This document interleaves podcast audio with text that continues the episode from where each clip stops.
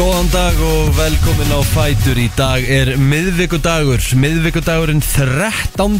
desember og hér sitja Rikki G. Kristirud og eitt plótir á sínu stað í brennslunni til klukkan 10 Já, þetta var nú bara hóðalega næs að maður lappaði út í morgun svona Nei, nei, nei, nei. fyrir utan Alls ekki næs sko Nei, langt frá að vera nættu svona janúar slappur Nei, það er ekki eins og slapp, það er bara heitt og einhvern veginn rigning, þú veist, þetta er ræðilegt. Ok, Já, ég, ég, ég fór ekki einu svona í hérna Það Nei. er Um- ekki núlpa á mig í dag sko Það er mitt, það er bara, með, með leið svona eins og það væri bara einhverja tíu gráður út eða eitthvað. Á, Rókraskat sko Já, já, Svakalegt. vissulega, en hérna, þetta byrjaði, ég byrjaði í gerkvöldi, ég held að þetta ekki, ætti ekki að byrja fyrir henni í dag, en, ja, áfram gakk, Hvað by- byrjaði í svona leiðilegt veður. Já, um mitt Já, Það ég meina, er það ekki. það eiga að- já, það eiga að vera 7-8 gráður allavega Já, það Í dag. er gul viðvörun samt í dag á Suðurlandi, Faxalóa, Vestfjörðum, Suðusturlandi, Ströndum, Norrlandi, Vestra eiginlega bara basically næstu út um allt sko Það er þannig, við erum í gul, gulri veður við erum núna Já, en svo klukkan 6 í kvöld á bara að vera bongo en reyndar 7 metrar á sekundu Um mitt Þetta er ákveðin tvistar sem er í gangi Hund leðilegt viður á morgun Hund leðilegt viður á föstudaginn Já, skánar, hvernig lítur skánar á lögadaginn Já, það er eina sem skiptir okkur mál Já, Rétt En hvernig, hérna uh, Veðri á, á föstu daginn út um allt land leðilegt eða Já, sko, hérna í Reykjavík bara í hátinn og föstudaginn eru 11 metrar á sekundu Nei, 14 metrar á sekundu Ausandi rigning 6 uh, gráðu hiti Já, uh, Já, svo er bara, þú veist, í kringum okkur þá er rigning Svona á söðvestur helmingi landsins er bara rigning og rók Mm. Og verðist hvergi einhvern veginn vera nógu mikið frost og snjór Nei, einhvern veginn svona sangátt kortónum auðvitað getum við ekki sagt hvernig þetta er alltaf mótana þeir sem er að hlusta núna og horfa út og er bara allt kvítt og bara, jésus, þau veit ekki neitt Já, við En þurfum alltaf Ég að held samkvæmt sem- kortónum þá er ekki mikil snjókoma ég held samt að sé ekkit mikill snjór neinstaðar Nei, Ég held að sé, ekkit, ég held að sé engin snjór fyrir norðan, sko Nei, Ef ég geti farið í vefmyndu þá er þá er ég nánast að hingja upp á mig að ég er ekki það er engin- það hann núna er engin, það er engin snjór fyrir norðan eða vestan eða austan sko. Jú, maður nú sjá En þú veist, það- ég er að tala um sko einhverju tveir sentimetrar, það kallaði ekki snjó sko. Nei, nei, nei, emitt, ég er að fletta þessu inn upp Ég er, að, ég er komin inn á vefmynda við lagurir Það er bara Nei, þetta er nú ekki merkilegt Nei, Þetta er einhver svona smá föl hann yfir það er málið sko. Það, Mhm. það er ekkit, Ég heldur sé ekki einu svona framlega snjó í liðafjalli Ég held að sé ekki einu svona nógu Nei. mikið, nógu mikið frost til að gera það sko ég myndi, þú veist, let's face the fact, þú veist, við erum ekkit farið í gegnum eitthvað, e, þú veist, þetta er ekki vetur, vetur þannig, það sem af er sko. En sko, mér finnst þetta líka að vera búið að senka Mér finnst Já, þetta hún ekkert byrja fyrir bara eftir jól Það getur verið, það getur Bara verið, svo janúar, getur vel febrúar, verið að fáum, mars. svo getur vel verið að fáum alvöru, alvöru skell í janúar sko. Mhm.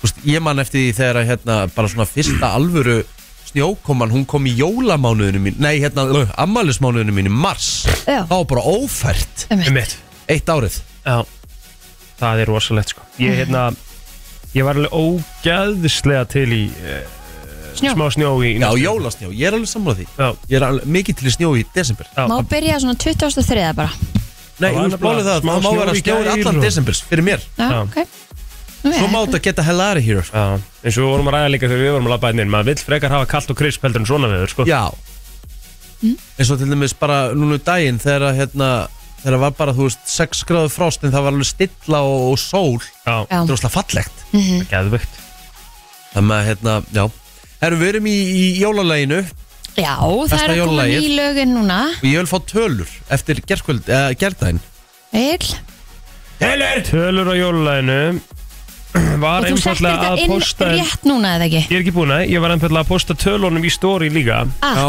ok Niðurstöður úr fyrsta MV, Mhm. tölutækna klugan 10 í gær Og þá var það að þú komst með jólinn til mín Sem var með 440 atkvæði Já.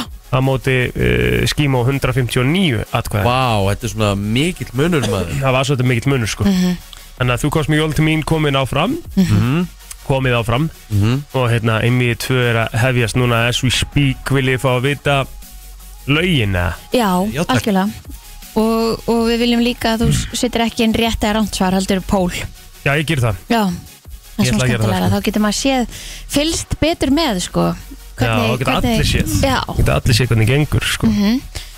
og Þú, með Mhm. við vorum með pólið 12 lög sem Já. að við byrjuðum með fengum frábæra álitskjafa með okkur e, sem að hérna, með Þor- Þormóður til dæmis, Já, já. Dísa Vals Já, já. í Reykjavík sem leiðis e, Herra Netsumjör eða ekki? Já, Já, Ómar Úlfur Ómar Úlfur mm Pálmi. Pálmi Ragnar mm mm -hmm, GTRN aha, mm Hildur Kristín akkurat fengum og náttúrulega Ingi bara Bauer þú veist það, þetta var bara gremdileg grem Já, í Já. raun, rauninni var það svolítið þannig sko og við settum saman það sem að kom hvað mest út og það voru þessi 12 lög sem að voru þann eftir og þeir sem að fara inn í dag eru hver?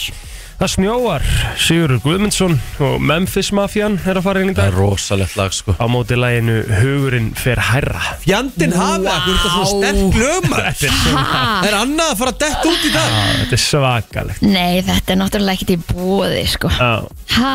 Fucking hell þetta eru þeir tvö lög sem mætast í dag sko, þannig að verið viss sem að eh, sko, ég er að fara núna, þegar við hérna förum aðeins í lag, þá er ég að fara að pósta þessu inn og uh, þið þurfum að vera að fljóta af stað sko, af því að hérna mm, eða ekki fljóta af stað endilega, þið hafið til tíu til að kjósa Já, herra Það hún hætti Írana kosning. vinkona mín á Akureyri var að senda mér screenshot að hlýðafjall á Akureyri er farið að framlega snjó og tróðarinn er að tróða þetta þannig að það geti jafnvel bara að fara að opna fljótlega wow. það er svakalegt Já, við verðum að fara bara að fara að koma okkur í ferð í City of, City of Joy Þetta er ótrúlegt Ha, Já, Þú veist, ég er en enda sammála því er það pældi ekki? bara þetta lag er að keppa Þú Mhm. veist, hérna, þetta byrju Ná. Þú veist, Því það snjóar Í hjarta mér það snjóar Bara og snjóar Samt held ég heilu jól ég er svona Og svo, og svo þetta, þú veist Það er ekki gott að velja þetta Nei. ég veit hvað ég myndi velja sko. Hlusta, þetta er að koma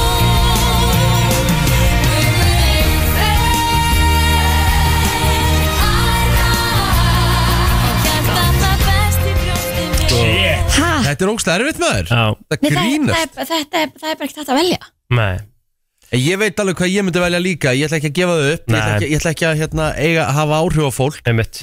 En er þetta komið inn á Insta story? ég er að græða þetta núna ég þarf bara að heyra smá þannig að ég get ekki gert þetta alveg strax Nei, ok, við þurfum ok. að setja lag sem Ég skulle bara henda lagi í gang og, og reynda að vera svolítið hraður Ekki hægur Já. Hvaða lag ertu að fara að setja í gang? Ég bara veit það ekki Nei, það er svolítið erfitt að fara einhvern veginn að setja lag á eftir þessum tömur Já, þá get ég ekki sett þetta lag og Nei. það við ætlum að fara í og þú voru að velja eitthvað eh, eitthvað bara sorry, það er bara Eitthvað epic. að passa þér Já, Hvað er Heyrðu. langt síðan hér epic? epic Ég Hvað er Finnst það geðið? ætla að fara að vinna með það Já, Þetta er epic, það er epic epic Ha? Ú, ég veit hvað ég er að fara að hendi í. Er það epic?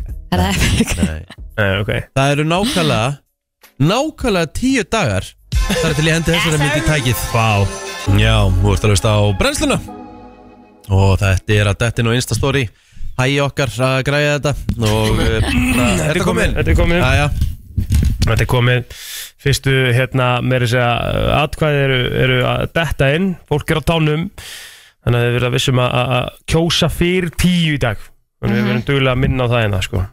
En þetta er alveg einviði, einviði for the ages sko, eins og er sagt Ef fáum aðeins að sletta þú veist, Þetta er algjört þvælu einviði Þetta var sko erfitt í gær Já. Þetta er erfitt í dag Hvernig verður þetta eiginlega á morgun? Þetta er eiginlega erfæðir dag Uh, já, eiginlega Heldur en ekki þær Nei, mér, Jú. nei, Jú veit ekki Nei, Það er greinilegt sko, svona, með, með við allavega tölurnar ó, ok Þú veist, með við tölurnar hérna uh, í gær þá var þetta alveg svona frekar þægilegt mm. Já, bóur út Reginald sko Já, já, mm. ek- þú veist mjög það að, úst, Það komur óvart hvað, þetta var- hvað, hvað það var afgerandi sko. Ég, úst, ég viður kenni það Að ég svona reiknaði með eh, Að Bóma og Bóa og Röð myndi vinna Já. En ekki með svona miklum yfirbyrðum Ég held að myndi vera tæpara sko Miklu tæpara sko Já. En herriði, hvernig hérna, hvað segir, hvernig var dagurinn ykkur í gær og svona? Hún var bara eða hann, sá dagur Já, hann var bara fín já, það var hérna langur dagur í gær og var hérna alveg til hálf þrjú og svo fór ég heim og bara aðeins að heilsa upp á fjölskyldina og mættur nýri í vinnu klukkan 6 ég veit vann þetta tippleikin í gær í, í mestarætlamessunni Já, þú vannst hann ég var með fyrsta, fyrsta markið á völlunum í gær sagði Já, já, að það kæmi á Diego Armando Maradona völlunum þar sem að Napoli skoraði fyrsta markið síðan ég veit og eh, fjóra rétta í, í leikjónum síðan og Býttu, þeir duttu út ekki, er það ekki? Hérna, United? Já. Já, þetta duttu bara ekki út úr mestradildinni þeim bara kasta út úr Evrópu var það ekki? bara nákvæmlega sem reyja heima Voru voru í síðasta sæti í riðlinum sko. Það var hæðilegt. En það færir ekki í Európa-delina sko. Æj, æj, æj. Já. En Erik Ten Hag, hann sagði hins vegar hann verið mjög stoltur á liðinu og verið betra liðið en áttu samt eitt skot á marki allan leikinn og valla líklega til þess að skora Verður hann annan látið- leikinn í röð verður hann látið taka pókan sinni í dag eða? Já, það- sem nei, sennilega ekki í dag en hann fær að klára leikinn og Hvernig er hann? einhverjir einhver United menn sem vonast bara til þess að það fari illa svo hann fari, húst, ég er alls ekki einn af þeim Nei, Hva- Hvenær er sá leikur? sunnudaginn, Sunnudaginn. Ó, ok. það getur alveg ljótt Mhm. Þið eru sem sagt að fara í... Það verður alltaf viðgerð, tveir, þrý Aha, viðgerða ekki. baukar á Já, sunnudaginn, já. sko Við erum að fara að gera það sko 100% sko Ég til í þetta. Ég lakka alveg svakalega til Bara svona ef ég alls er sko Já. bara fá, Nei, ég- fáum okkur eitthvað góðan burger og Já, já. tvo, tvo, þrjá kalda með og, Hiklaust. fáum að, Hiklaust. og þá líka bara verður bara sunnudagurinn tölvöld betri sko. Já, ég held að. Algjörlega, og ég, hérna, þú veist, ég, ég, málið er sko, það, nú er maður séð líka eitthvað tal um netunur ekki og nú ætlum ég bara að spurja þessu út í það. mm. Uh, Arteta fekk tíma með Arsenal, sko, Mm. gekk ekki vel á fyrsta tímulina, áttundasæti eitthvað á fymtasæti á fyrstu tveim tímulinum Já, að segja. eitthvað. en það var, en það var, það var bæting frá hverjum einasta frá hverju einasta sísoni Já, Þú veist, það, var- það, það var þróun upp á við Þetta en er, Erik Ten Hag er ekkert búin hann, að, er að fara, hann er að fara langt aftur á bakk já, já, en hann náttúrulega er ekkert, hann er samt ekkert búin að ná verri árangri, skilur, Klopp þurfti tíma líka með Leopold, Já, byrja en, það var alltaf, en það var alltaf progress upp Já, alltaf progress upp á við, það er Já. ekki núna Nei. það er rosalega langt frá því ok. sérst bara á öllum tölum og öðru þú veist, það er bara, þetta er bara ekki, þetta er ekki það sama sko. Nei, ég er bara að velta þessu fyrir mér, sko, Já, hvað umræðan er varandi þetta. og eins og bara þegar Rafal Varan fór út af í gær, þú veist, hann, hann leiti ekki á Ten Hag sko. Nei. Nei, nei. þeir eru greinilega ykkur í bífi og hann er alltaf búin að vera í bífi við Jadon Sancho og þú veist, Mm Ekkert nýtt í því nei Launasti leikmaður liðsins bara Í bífi.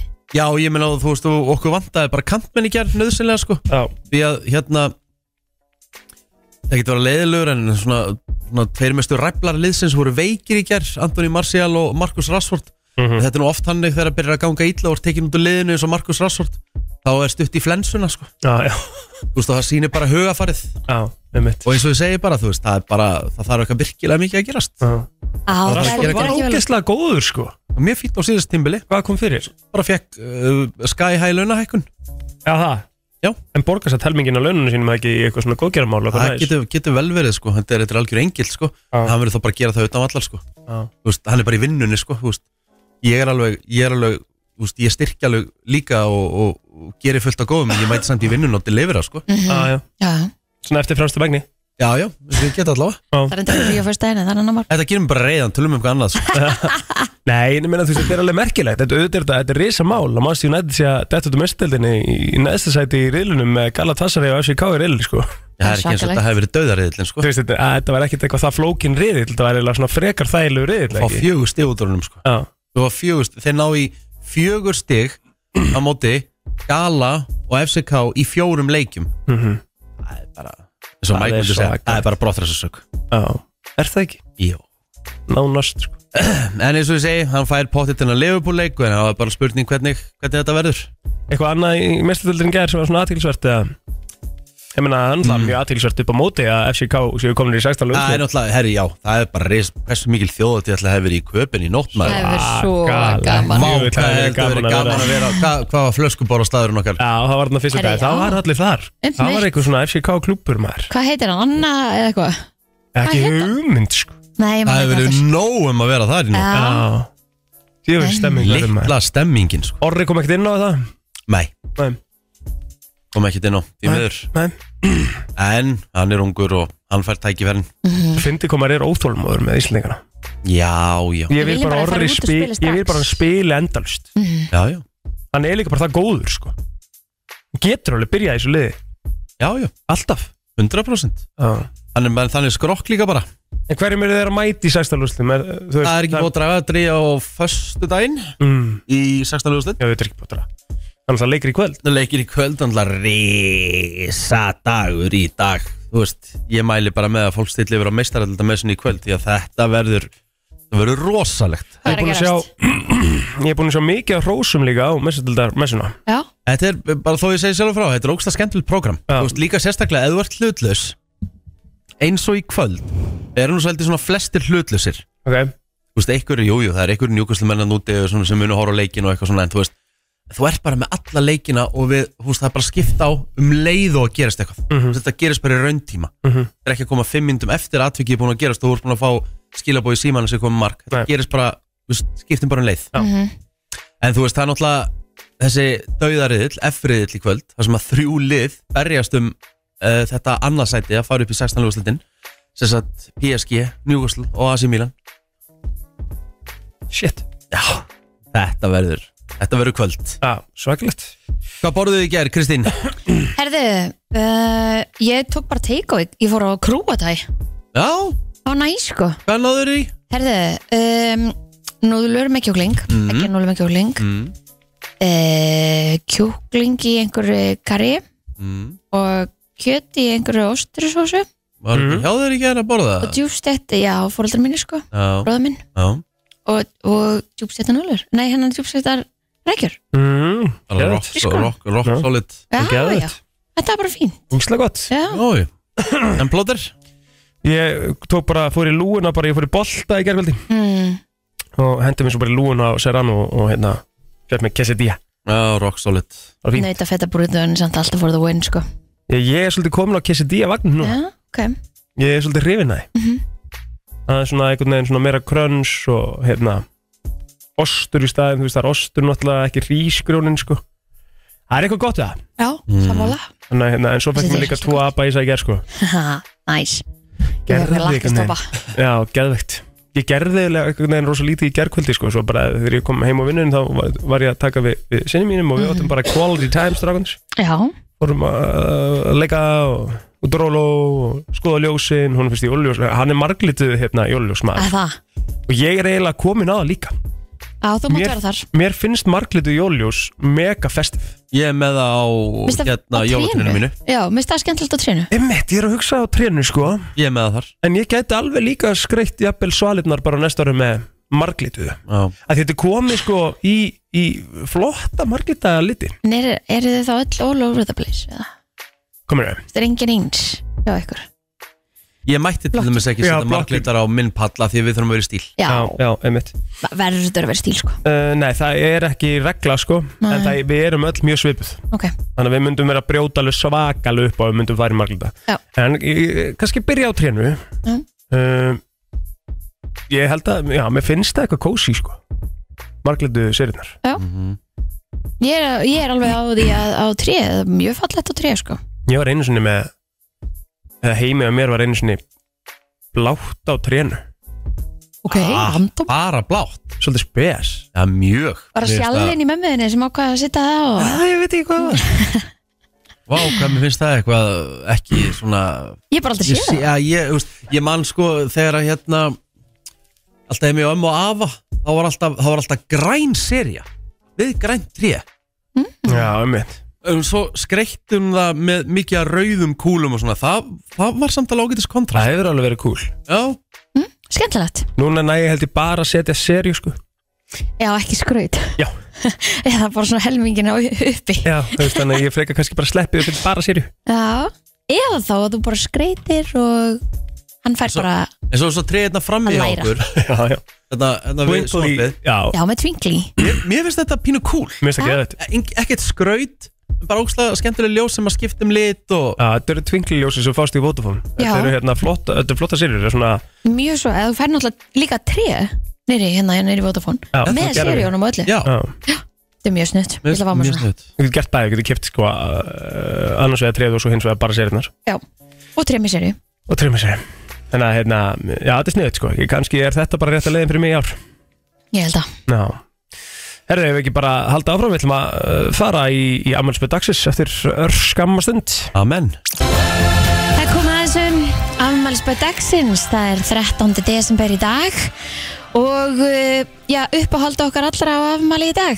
Taylor Swift wow, stórt Hún er 34 ára í dag Ég er með lagdagsins Lífið leikur svo sannlega við hana Nýkomin í samband með einhverjum geggja heitum NFL-gæja Hún er búin að Hún er- vera á tónleikaferðalagi um allan heim Hún er- hún er kosin billionaire. Manneskja ásins af time Já, Ef það hún er er, einhver sem að fyrta voldugasta kona heims Mhm. Akkurat Ef það er einhver sem er on top of the world Þá er það Taylor Swift. ótrúlegt sko Ég er að fara bara í lægi sem breyka hana Já, Nú, Ég vil laka þið til að spila það maður ok Jamie Foxx á líka amal í dag, við getum tekið eitthvað allar með honum sko Er hann ekki búin að vera í ykkur svona, svona Bara- vesinni? Er Það, Það ekki ég veit það ekki Var ekki verið að Var Var- hann einhverju var verið að einhverju cancela brasi? honum?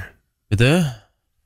Var hann ekki bara eitthvað hérna, uh, var hann ekki eitthvað lasin, lendi hann ekki bara í einhverju slís Ja, ja, sko. Ekki sko- bara eitthvað rugglast á því ja. Sko Já, það var bara frétt hérna Fox á, sakaður um kynferðislega misnótkun oh. Sví, það er ekki gott Já, þetta Þannig að við erum allavega ekki að fara að spila Gold Digger gott lag Nei. samt. Já, það er ógstlag En hérna, þetta hafa gerst í New York á okkur veitingastað 2015 Nú, mm. síðan Já, Úff, Herru, ég er frekar, svo er á Dermot Ó. Kennedy amal í dag líka Við getum alveg spila hann líka í lagi dagsins og Amy Lee Evanescence ég er með lagdagsins sko Ég hef búin að- búin að taka það sko Það er ekki oft sem ég fæ að vera með lagdagsins Þetta er ekki, þetta er svo, þetta er svo fyndið sko Eðna, Þú veist, að allt í einu eitthvað bara því að þú veist sko hvað ég þólan ekki og hvað allir þólan ekki og þú þólar hann ekki heldur Nei, ég Allt í dýrkar einu- allt Málið er það, ég í- nei, er alveg orðinn niður, þegja því- aðeins, Ég er þegja orðinn aðeins, alveg- le- ég er orðinn leiðum- alvöru sviftar sko Nei, þú, það Ég er er orðinn engin sviftari, sko. sviftar Það Ég- er engin sviftar, það er ekki til Ég- jú, sviftar á jú, ég er- Íslandi Ég er honum Þau eru bullandi kannski sviftara sko tíu sem eru sviftar á Íslandi Ég er þó komin í þann klub Ég skal Já. bara keira vagnin sko Ég- Hvað er það? Getur þú sagt með það? Getur þú útskipt Ég er bara farin að fíla hana Já,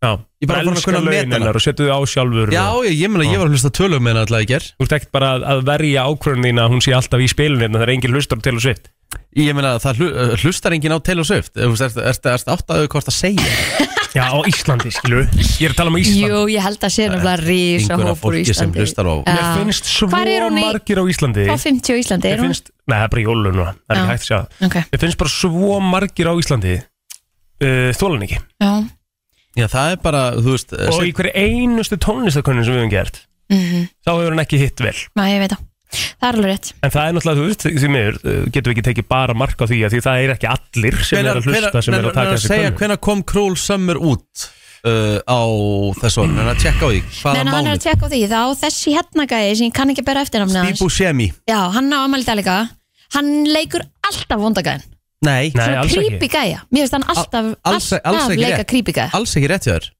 Það hann, er hann er bara creepy En hann leikur ekkert creep, creepy en, en, en, en, en hann hérna Hann Hann lí- leikur oft svona bara Góða gæja, svona, svona pínu goof Já, Já, já mér finnst það Mér finnst hann alltaf vera í einhver Hann svona var mikið að leika í Adam Sandler myndum óþægilegu hlutverki Já, hann er svolítið óþægilegur Já, Það er kannski rétt, sko Ógeðslega góðu leikari samt Krúl Sömmar kemur út 20. júni Það kemur út 20. júni, það er 6 mánuða gamalt Já Það er komið í 1,5 B Já á 6 mánuðum Já. á Spotify ég hef bara ekki einu sinni valið Taylor Swift á Spotify Nei, og það mun ég aldrei gera heldur Já, þið eru Við erum ekki á Hel- vagninum. Helviti eru þau grimmaður Já, já, Nei, ég menna, þú veist, Við erum ég, ekki eins og, að gera eins og inn, þetta er bara allir, ekki allir mín- vita, sko þú veist, My ég, kind of music ég er uh, ég, ég á mjög auðvelt með að segja hluti sem ég fíla sem að, hérna, kannski aðrir eh, Góðan- bögga sig á, góðan skilur daginn Já, góðan daginn.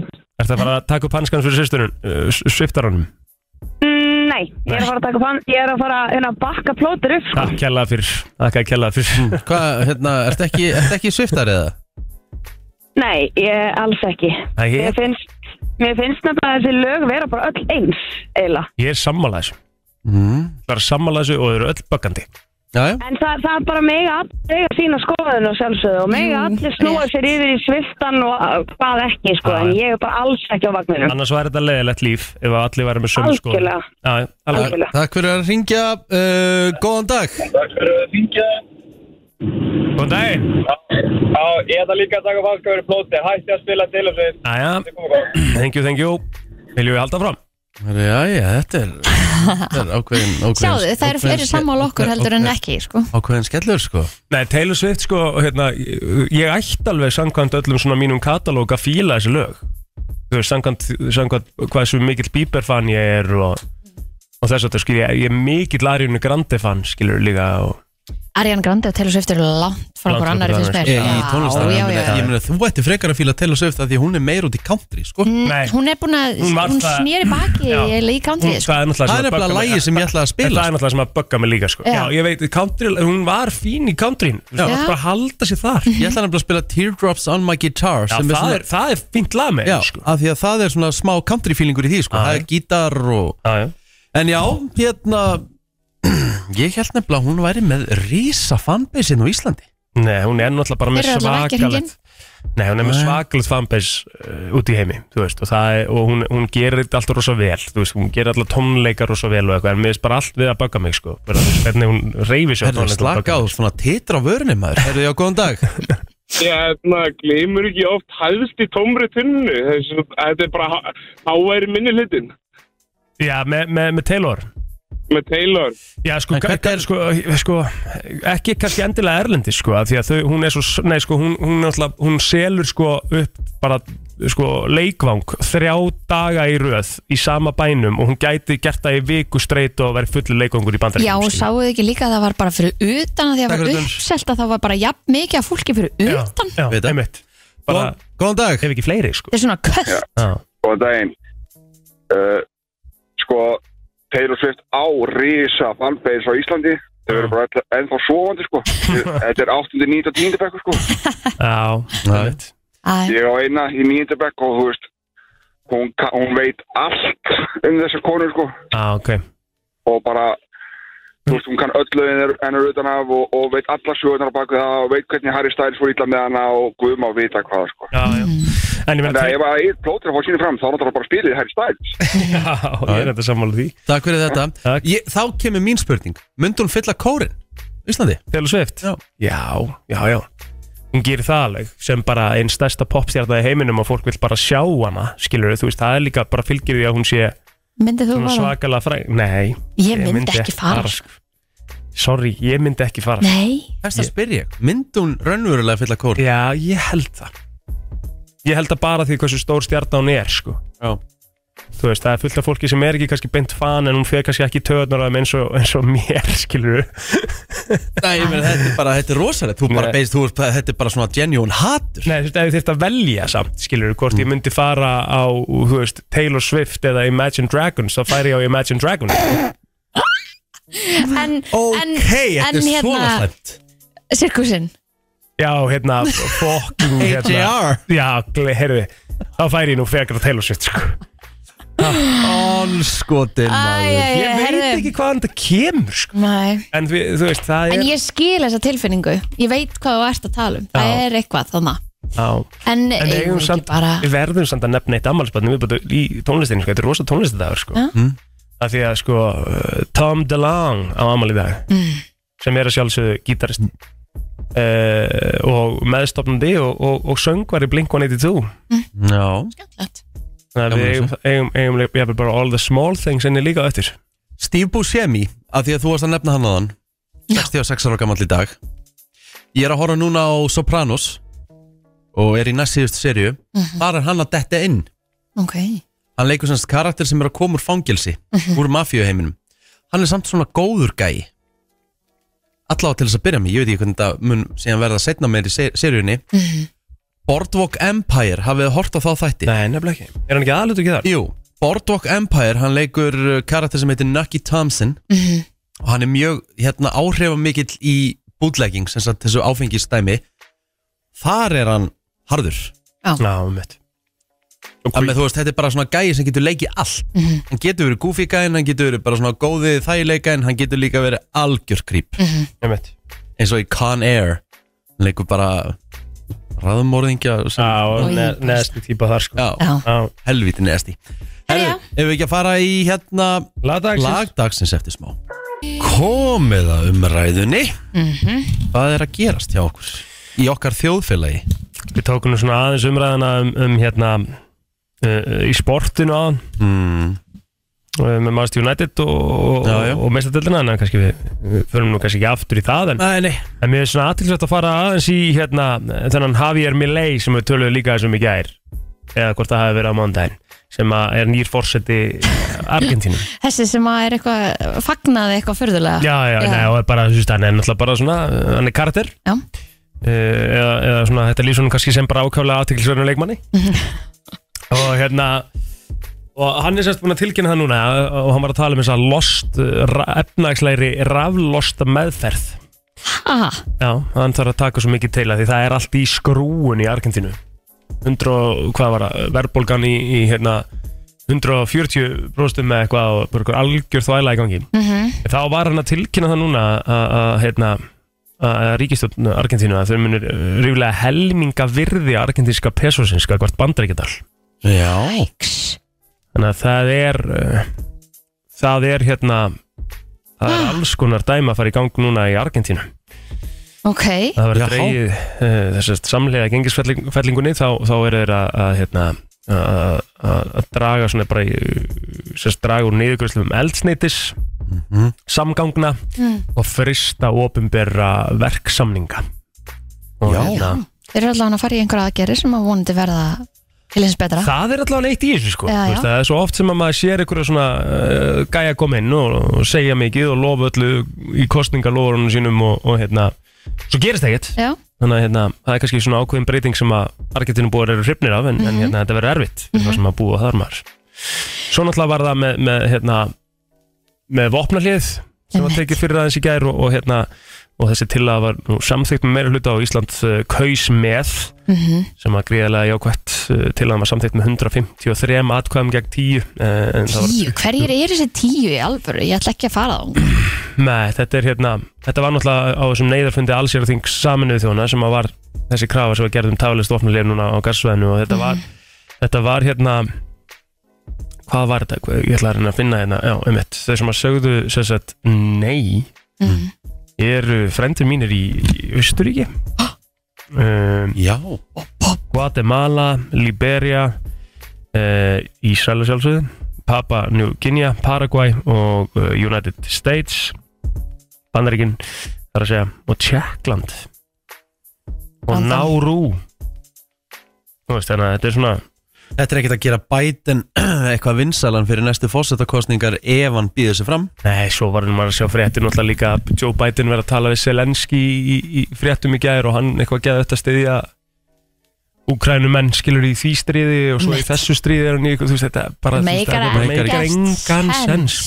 Ekkert sens bara er allt í skrúinu hjá, hjá mannum sko og svo er náttúrulega líka, sorry ég var Það er að- ekki glöp Já, ég var líka bara að horfa á þetta gerir Er pólitík bara orðin svona? Tveir svona stórir þjóðarleiðtogar árið hérna 2023 að hittast Skilur, Zelensky og Joe Biden og Joe Biden var bara að lesa samtalið hans við Zelensky af spjaldi skilur. Þú veist, hann var ekki að tala við hann Hann var að lesa orð af spjaldi Og Zelensky var svo sem að gera það líka En Sorry, Kannski en þessi munurinn- maður er bara fyr- að landin ekki til sjóma sko. Nei, að munun Selenski er ekki uh, sko, ennska er ekki hans fyrsta mál sko. Nei, nei. það er kannski svona eðlilegra að hann sé að bara koma upplýsingum áleiði sko. Mhm. en Joe Biden eitthvað bara í staðan fyrir að tala við mannin sko. Einmitt. horfðu í augun á Nei, honum, fyrir honum. þú veist, já, bara segðu hlutina sem að þig langar að segja það mér finnst bara ekki meika sens að þú getur bara skrifað eitthvað á blað og svo bara lesi og nánast ekki verið að horfa á gæjan Annarkvort treystar hann sér ekki eða þá honum er ekki treystandi Já, það er ekki bara bæði Það er náttúrulega algjör katastrófa hérna, að- sorry, bara mín skoðun að, að þessi maður sé að st- bara, basically, bara stjórna mm -hmm. innan valdamesta ríki heimis Mhm. Það var stór hættulegt Er þetta ekki að vera búið? Er þetta næsta árið? eða? Fósettakostningar á næsta ári Er það í janúara? Nei, nei, nei, færir fyrir, ég held að séu bara í november Ég held að séu svarin í embætti síðan Í janúar, janúar 2025 einmitt En ég held að séu bara að hafa minni en ári í, í fósettakostningar sko Með þetta er þetta er fljótt að gera sko Það er bara flott Hverjir eru að nynni þessu núna? Þú veist, sko, við förum aðeins yfir þetta Trumparinn er að reyna að fá aftur, eða ekki? Já, hann er presidental dental Candidates candidate mm 2024 uh, Sko, þeir sem, þeir sem ætla þeir sem ætla hérna svona líklega til þess að rönna þú veist, það eru náttúrulega, þetta er náttúrulega hver vinnur sem sagt kjörið fyrir flokkana, það er Já, Mhm. já. demokratar og repu, republikanar þeir eru ansi margir sem sækjast eftir hjá republikunum, Mhm. þeir eru sjö talsins Og eru þeir allir yfir 70 eða? Nei, það er nú, er nú hérna, uh, er nú hérna nokkrir sem er nú svona aðeins yngri, það er, ko- það er ein kona sem býður sér fram hjá republikunum, Mm. Glæslegt hún heitir eitthvað Haley, Aja. ég veit ekki hvað hva, hva, hva hún heitir meira, Vastu, þetta er allt bara eftirnöfn, Já, Mm. en það er ein kona hjá demokratum, Williamson, já, en svo er náttúrulega líka sko independence and third party mm. sem eru líka inn í þessu, Já, sem er ekki þá tengt flokkum þá eða nei, Ok, í rauninni ekki og ég held að sé einn úr Mhm. Kennedy fjölskyldunni sem hérna er að, að fara þar en, en hann er svona líklegast að Trump vinni uh, republikana kjörið Mm. og verði hérna fyrir þá og Biden væntalega fyrir demokrata ef hann ætlar að sækja sér embætt eftir Er það, eru þeir stoltir af, af þessum fulltrúa? Það er ótrúlegt bara ef Ha. að það gengur eftir bara Ah. að Einmitt. það sé þ- ykkar besti maður skilur Já. það, það er náttúrulega bara að leggja niður flokkin og Emmett, það er bara að gera eitthvað nýtt sko. ef þetta var eina, eina sem þú gast hérna Meikar sett engu fram Nei, ég trúi því nú bara ekki Nei. En uh, aftur hinga heim Já. uh, leiðileg fyrirsögnin sem að byrtist hér í gerkvöldinu á mbl.is ekki óhætt að hleypa grindvíkingum heim á þessu ári Æ, ó, En það verður sennilega engin jól haldin í Grindavík þar sem að ekki er talið óhætt fyrir Grindvíkinga að flytja aftur heim fyrir áramót. En stór ástæða fyrir því er að Viðurstofa Íslands treysti sér ekki til þess að sjá um ásættanlegt eftirlit á svæðinu að næturlagi. En þetta kom fram á íbúðfundi Grindvíkinga í gerkvöldi. Já, já Úf, það er Já, þetta er ægilegt að leiðilegt. geta ekki verið heimi á sér uh, pældi því Já. og líka um jól og áramótna Já, já Mhm. Já, þetta er útrúlega leðalegt. en svo er En þetta vonandi bara búin að koma sér fyrir á einhverjum öðrum stað ágætlega, allavega á meðan er. Einmitt. Og svo er það það, það sem er kannski umtalaðast í þjóflæginu akkurat núna.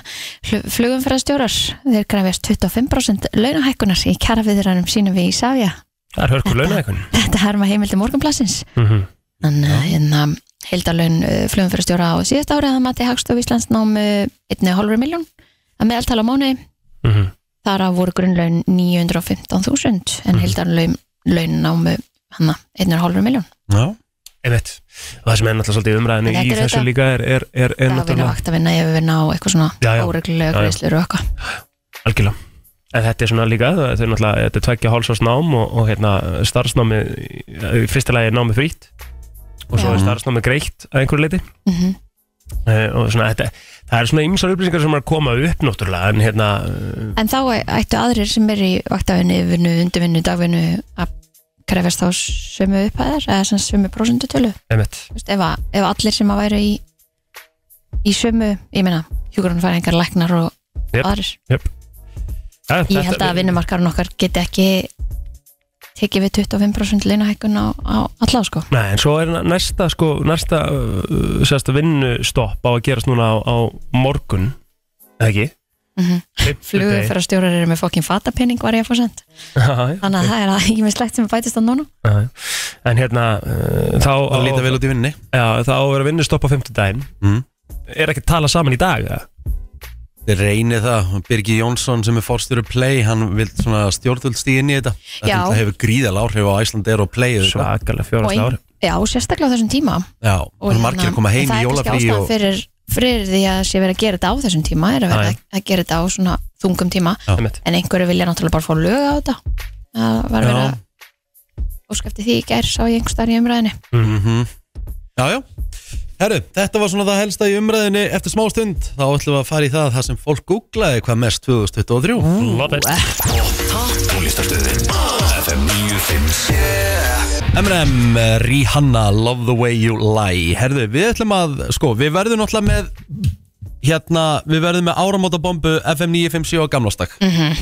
Þar ætlum við svona að ríkappa árið, þá ætlum við að revja upp hitt og þetta Já, sem gerðist uh, Mér langar hins vegar svona aðeins að taka fórskot á sæluna og mér langar að fara í það sem fólk googlaði árið 2023 hvað var mest googlað það er þetta hérna, sjá ímislegt út úr, út úr því það Já. er hérna líka komnir alls konar flokkar það er hérna hverjir voru, þú veist hvað íþróttamenn voru mest googlaðir, hvað leikir, Já, ég er að fara í þetta allt saman leikarar hverju dóa á árunu Emitt Já, það sem var mest googlað varandi andlátt Mhm. Í fimmtasæti Jerry Springer Ég var með þess að búin að gleyma því að hann hafi hvart á árinu Einmitt. Ég var nú bara að horfa okkur þátt um daginn hjá honum og þá var hann bara, þú veist, hann er ekkert svo gamall þessi þáttur, sko. Nei, með hann er búin að vera helviti lengi að Já, uh, Í fjórðasæti Ken Block, ég veit nú ekki eins og hver það er Nei, Ken Block. emitt Hann var fjórði mest googlaði varandi andlátt Já, hann Já, já, já. Er, er hérna var í, í hérna kapastri, Kapparsmaður já, Já, rally rally bíddu, og lest, ökumaður. já, lest, hann, lest hann í kappakstir Nei, lést reyndar í, í velsliðasleysi uh, nálægt garðinu sínum í Woodland, Utah Í þriðasæti við mesta, mestu googlin varðandi andlátt Senator Connor Emitt Hún er alltaf hvað árinu maður Hversu var gott svakalegt. lag er þetta Seven Hvað ertu búin að ösku syngja þetta lag oft, Kristín? Vá. Í gennum tíðina Svo oft, a- bara í bílnum með allt í plasti Sétt maður Gott lag, gott lag Erðu, í öðru sæti yfir, uh, yfir hérna uh, andlott, hver var mest googlaður? Tína Þá var það Tina Turner. Hvað var hún gömul? Hvað var hún ánum gömul? Já, einmitt Herið, hún, alltaf, hún er fætt 1939 og deyr í, í mæ Og hún, er ennþá, hún var ennþá að hoppa á sviði bara 2018, 2019 sko. Ég Já. bara, eh, Ég held að hún leiði bara svona pínlítið eilíf sko. Mhm. en pælið í því, sko hann er leið þannig einhvern veginn pælið líka í því, sko með þetta að Tina Turner sé ekki nummer eitt á þessu lista með góðsögnuna sem hún er Já, ég man eftir því þegar ég horfði á myndina um líf hennar og Egg Turner hvað ég var ógeðslega reif Já, Um hann var, mi- hann var ógeðslegur Lo Lawrence Fishburne sagði í viðtal eftir, eftir myndina What's Love Got To Do With It uh, 93 að það hefði tekið hann langan tíma bara að svona jafna sig eftir hlutverkið að, að bara hafa þurft að leika þessa típu Já, einmitt. það er Eh, bara fengið á hann Mhm. Já, ég get alveg trúið því Herðu og uh, mesti, mest googla einstaklingurum varandi andlát Matthew Perry Einmitt. Já Það er svona, einmitt, líka það nýlegast á svona Já, og náttúrulega munurinn þarna er, er, er hérna, stort uh, aldur Mhm. þú veist Já, og hérna- hann er svo ungur Já, hérna- Herðu, yfir leikara, mest googluðu leikarar 2023 uh, Petro Pascal í fymtasæti, veit nú ekki áta hverju Petra Pascal uh, var náttúrulega í Last of Us uh, Já. á árinu og var örgulega bara svona uh, verið að kynnast honum hver Já, þetta væri einhverja og svona kynastöðum, hann er alltaf búin að leiki fullt að geggjuðu stöfi sko, en, en, hérna, en áttir náttúrulega stórleik í, í Last of Mm. Us í fjórðasæti Danny Masterson það er nú út af held ég bara svona, öllum viðbjónum sem kom í ljós varandi hann Já, og hann var náttúrulega uh, dæmdur, eða ekki? já, Uh, þannig að hann er, hann er uh, í 30 ára fangilsi. Nú, já. Spennt Herðu- fyrir næsta í þriðja sæti Ichikawa Enosuke Enosuke, Ensuke, hver, hver, hver er þetta? uh, þetta er eh, Ichikawa Enosuke eh, hérna, uh, fjórði, já, tala um það. já, Uh, þetta er sem sagt, uh, leikari sem að var líka dæmdur í fangelsi á árinu, mm. uh, sem ég veit nú ekki alveg af hverju.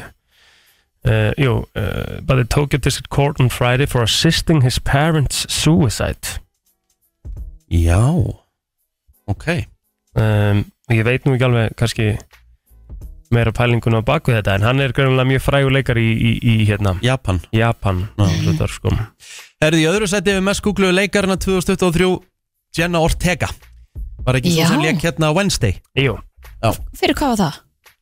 hún var að leika bara hérna, Wednesday, Wednesday. í Já, þáttunum ætli hann Wednesday hafi, var bara að vera að grúgla- googla hann út af því Já, Mér bara finnst það mjög líklegt, þetta Já. var náttúrulega urðu mjög vinsæli þættir sko Mhm. Já.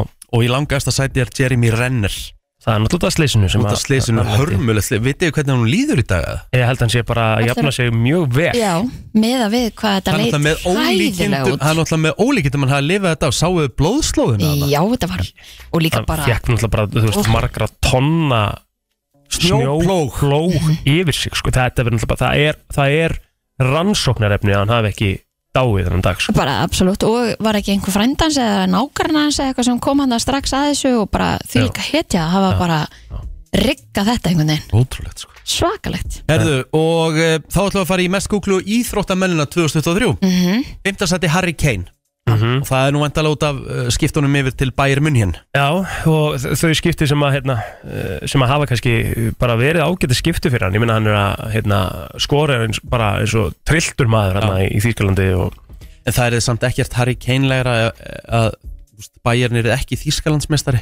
Fyrst ári í lengri tíma Þeir eru náttúrulega ekki, þeir eru náttúrulega ekki í efstasæti núna sko Nei, nei, í einmitt. deildinni en þetta var náttúrulega líka svolítið sett út á þetta þessi skipti á sínum tímar ekki af því að það var, hann var svo tæpur að ná okkur meti ekki, ekki. í Englandi Já. hann er alltaf bæta Já. en hann hefur ennþá tækifara á því sko komið tilbaka bara já, já, já, Já. þú veist, ég held að Harry Kane svona með hvernig hann heldur sér hann getur alveg verið orðið 37 ára sko Mhm. herðu, í fjórða sæti Mhm. já, Morant ég ætlum nú bara að viðurkenna vanþekkingu mína ég veit ekki hver þetta er Jamorant Ja- Ja Morant, er þetta körfuboltamaður? Já, með hvað liði? Memphis Grizzlies ok, akkur var hann googlað svona hann mikið var hérna valin í NBA All-Stars líka, mér sér en hann er búinn að lendi einhverju, einhverju hérna er, í, er að standa í einhverju lögsótt núna fyrir einhverja árás ég veit ekki er alltaf svona einhvern veginn Já, Smá bras. Eh, í Í þriðja sæti er Travis Kelce Ég veit að hann er uh, ruðningsmaður uh, Hann er ábyggilega í þriðasæti fyrir bara, það. bara út af því Það er Taylor Já, Já. Það er núverandi kærasti Taylor Swift. Og það var náttúrulega mjög mikið að ganga á TikTok og netinu á árinu sko að hérna eh, konur, eh, hérna þess að konur karlmanna í bandaríkjunum, Mhm. skilur Vissu hver hann væri? Já, vissu, nú- nei, konurnar náttúrulega vissu hver Taylor Swift væri sko. Já. og þeir voru sér að það var mikið grín að ganga að, að var að segja við, við, við strákarna hérna, að, að Taylor Swift var búin að gera Travis Kelce frægan sko. Já. En hann er reyndar ekkert eðla heitur sko. Já, já, en þetta er náttúrulega bara eh, margir talum bara sem eitt besti eh, hérna, fótboltamaður hérna í bandaríkjunum Já Amerísku fótbolta Herðu, uh, í öðru sæti við mest googlu íþróttamenn uh, ársins Í öðru sæti er Kylian Mbappe Af hverju eh, var það? Bara út af þessum kaosnum ég, varandi nei, ég, ég held að ég segir þetta hverju að kaosnum varandi Real Madrid en Já. ég held að það vegi ekki það stærsta það var hérna Ást Kim Kardashian á hún Já, meinar hún, var- hún kom hann með són sinn Já og ég held að það sé út af því ha- hann var nefnilega googlaðar alveg heilan helling í bandaríkjunum Já, já, já Einmitt var svona, svona America's Sweetheart heart, og einhverju svona vonast Ah. Jú, hann mætti í eitthvað partí Já, hann líka já, já, já, Emmi já. Alveg með, rétt. með Kim sko Já Eru þú og mest googla íþróttamæðurinn 2023 er Damar Hamlin Það er líka NFL-gæi og ég veit ekki út af hverju Er það eftir að hann fekk ha, sko, það s- kemur hérna fram að hann, það var, hann fekk fór í eitthvað hjartastopp Já, þetta Ah. er sá sem að Emmitt Þetta er sá sem að fekk hérna og það var einhver sem að leik. já, og það var Alveg einhver sem að rétt. gerði CPR hann á honum bara meðum vellið eða eitthvað Vá, ok, það, það hluta að vera Einmitt Man var búin að gleyma því Þetta er gott, þetta, nú erum við að revi upp Já, Mhm. þetta er skemmtileg upp Þetta er svona gefur manni alls konar upprýðum Já. Já, já, herru, förum í tölvuleikina 15 seti Starfield Mhm. 4 seti Battlegrounds, Mobile India Aðtingsvert Ah. 3 seti Connections The Last of Us er náttúrulega ótrúlegt að þeir séu ennþá þarna, náttúrulega leikur sem að kom út sko fyrir löngu síðan sko en, en fekk náttúrulega kannski aðeins endurinn í líta þegar þættinni kom út sko en hérna, Last of Us er í öðru seti já, einmitt og, Og- svo náttúrulega, Hogwarts Legacy já, sem ég downloadaði í Playstation 5 talunum mína, ég kifti Hvað, það sjálfsög ú- Út á hvað gengur, er þetta Harry Potter leikur eða? þetta er, þetta er, ha- bara, þetta er ekki Harry Potter leikur, þetta er svona Hogwarts Legacy þetta er svona, jú eh, það, sá heimur aðeins og undan og eitthvað svona Þetta eru, og þetta svín lúka þessi leikur og, og, og eru örgulega geggjaðir ég bara, ég bara er ekki búin að ég downloada hann og ég er búin að spila hann einu sinni og, og þú veist, ég bara nota þessa playstation líka neitt Nei, mitt Nei, Ég ég var, fer aldrei í var að pæli eitthvað hvort ég ætti að fá mér hana en ég, ég, ég hugsi, ég myndi aldrei að nota hana sko. eina sem ég nota hann í núna er einhvern veginn bara svona Ah, En ég meina, getur, getur, getur að horta á bíómyndir í henni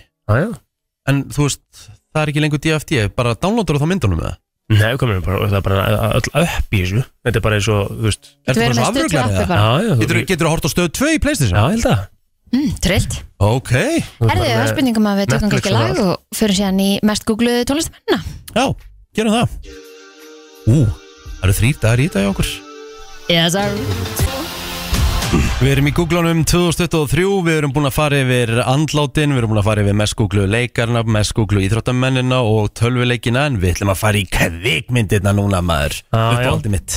Þinn helsti flokkur Já, herðu, í fimmta sæti John Wick, chapter 4 Já, og það, þú veist, engin sérstök ástæða baku það en bara stórmynd, sko Eða skilur, þú veist Ég var ekki alveg nú Þú náður henni, ég, ég, mér varst um geðveik sko. Já, Mér ég varst var um ekki, geðveik alveg, var ekki alveg seldur sko En í fjóðarsæti mynd sem að fekk uh, aðtekli út af allt öðru Sound of Freedom, Já, og gottum með ástæðina þetta var, á- s- við nefnum getur, þetta var á þeim tíma sem að, hérna, þetta var eitthvað svona mynd sem að Hollywood vill ekki að þú sjáir og þetta var ekki einhvern veginn sínt einhvers staðar, þetta var verið að uh, það sem er verið að t- tala um að, að, að sérst, bjarga börnum frá human traffickers Ok, mm. og, og, og var eitthvað svona aðeins verið að s- skjóta svolítið á, á Hollywood bransan innan þess og einhver leiti og þetta var ekki verið að sína þetta innan með einhverjum völdum bíóhúsum og, og þetta var eitthvað svona eins og að verið að reyna að, að, að sína ekki þessa mynd og þetta var svona eitt af því sem að fólk var að tala um að væri skildu áhorf á árinu þannig að þetta var svona já, hellingur á baku þetta uh, Í þriða sæti er Javan, eitthvað sem ég hef ekki séð Nei, uh, Sko, Javan er Þetta er bara Bollywood mynd sínst mér Þetta er Bollywood mynd Sýnist Já. það? Netflix mynd sko Mhm, Já, Um, þetta er, þetta er Bollywood ég sé ekki sé ekki neitt spes um hana þannig séð, kannski bara hörku mynd Já, ábyggilega, ábyggilega og svo þessar tvær myndir sem að voru náttúrulega að setja saman það ke- kemur, kemur svo sem ekki á óvart Nei. Oppenheimer og Barbie er bara á sama tíma sko. Svo, já, en samt svo mikla andstæður já, já, Sjúklega En fyndi ég, meina, ég veit um fullt af fólki sem fór á Oppenheimer til með svo lögadeg og svo bara Barbie á sunnudeg Svona Tóku stóla- bara doppul helgi jafn- Jafnut út um veit Já, já Þannig að þetta voru mest googluðu kveikmyndunar þá komum að tónlistafólkinu mm Í fimmtasæti er Peppino Di Capri Ég veit ekkert hvernig Peppino Di Capri Nei, ég Það er eiginlega maður að sammála, útskýra fyrir sko. fólki hvers vegna er verið að googla þetta fólk svona Já. mikið Peppino Di Capri Þetta er uh, ítalsku söngvari og, og lagahundur mm 84 ára, Af hverju ætli uh, hann sé googlaður svona svaklega? áhugavert Það kemur ekkit kemur ekkit alveg upp, sko Nei, Það sem að kemur upp þegar þú googlar þetta er Why is Peppino in debt? mm, Af hverju er hann skulda- eitthvað? Skuldahalli Já uh, Þannig að uh, Games Ending er, var eitthvað, Nei, þetta er eitthvað allt annað Þetta er Mhm. eitthvað Peppino Spagetti leikur Þú veist, Þetta er satt mjög aðtíkisvægt af hverju hann googlaði það svona ef að það kemur upp já, emmitt Það hefur eitthvað Það eitthvað hefur gengið klálega á. verið eitthvað sem við erum ekki að finna hérna Mæ, mæ, Ég held að það sé alveg Eh, klárt Í fjórðasæti er hljómsveitin Smashmouth og það er nú væntalega bara út af eh, Steve Harvell mm söngarinnum sem að lést hann ekki á Mhm. Jú, árinu jú, Gott eða ekki Já, Steve Harvell, já, hann uh, lést eh, núna bara í september já, bara 56 ára einmitt og eiga náttúrulega þessa risa stóru perlu Rockstar, Já, eh, Allstar, Allstar Rockstar, jésús svo var það Joe Jonas Og af hverju? um, Hann Var hann ekki að skildi við skilja? konuna sína árun Já. Sophie Turner sem að er náttúrulega uh, þekkt leikun og Game of Thrones og hún er breyti og það var eitthvað issue með börnin og e, e, hún var að fara að taka þau úr landi og eitthvað, það var eitthvað svona, það var eitthvað drama og Joe Jonas er náttúrulega líka bara úkisla uh, flottu gæði sko Mhm. þú veist það er að kannski líka spilar alveg inn í að þeir eru náttúrulega búin að vera ferðalagi og tónleikaferðalagi og, Einmitt. og alls konar Jason Aldean er í öðru sæti, ég veit nú ekki okkur hann er uh, Ha, já, það var, e, var eitthvað verið að reyna að cancela honum á þessu ári já ok sem er að sjálfsögðu Fyrir country eitthvað Eh, tónlistarmaður. um, sem að var sem sagt, e fyrir eitthvað lagi Try That in a Small Town já, emmitt og það, því, það var eitthvað reynd að snúa því upp í eitthvað, eitthvað reysist já. sem að síðan einhvern veginn bara dó út út Já, þetta var eitthvað af það því að var verið það að var nota það eitthvað ekki. Black Lives Matter uh, sem sagt, mótmæla efni, þú veist, myndefni úr mótmælum Já. Mm. uh, og, og, enda, og svo voru einhver text í læginu sem átti eitthvað að fara ítlaði fólk og textin er Got a gun that my grandfather gave me They say one day they're gonna round up Well that shit might fly in the city Good luck Ok, um, og þetta var, já, kontroversjál lag Já. þannig að það hefur samt greinilega verið almennilegt shitstorm fyrst að Ja, það nefna var það, sko. annar í, í googlinu heldur Mhm. betur Shakira er efst Já, og það er nú væntalega fyrir þetta Gerald Piqué Lag þessa sem hún de- gaf út. Já, og deil, deilurnar bara og náttúrulega þetta skattadæmi hana sem hún er búin að standa í líka það Það búið að vera svolítið vesen á henni hérna, um, búið að vera brass hvenær kemur Flowers út með Miley Cyrus? Í á Janúar, þessu ári. Akkur er hún ekki mest googluð á árun, það finnst mér eiginlega ótrúlegt þú veist Já, ekki það? Já. Hún er ekki svona top 5, Peppino Di Capri er í fintastæti sko þetta er eiginlega með ótrúlegt Ekki einu svona, hann heitir ekki einu svona Capri og hann heitir bara Capri sko Já, Ah. Reiki það, Capri bláan sko já, já, Herðu, uh, förum í uppskriftinnar já, já.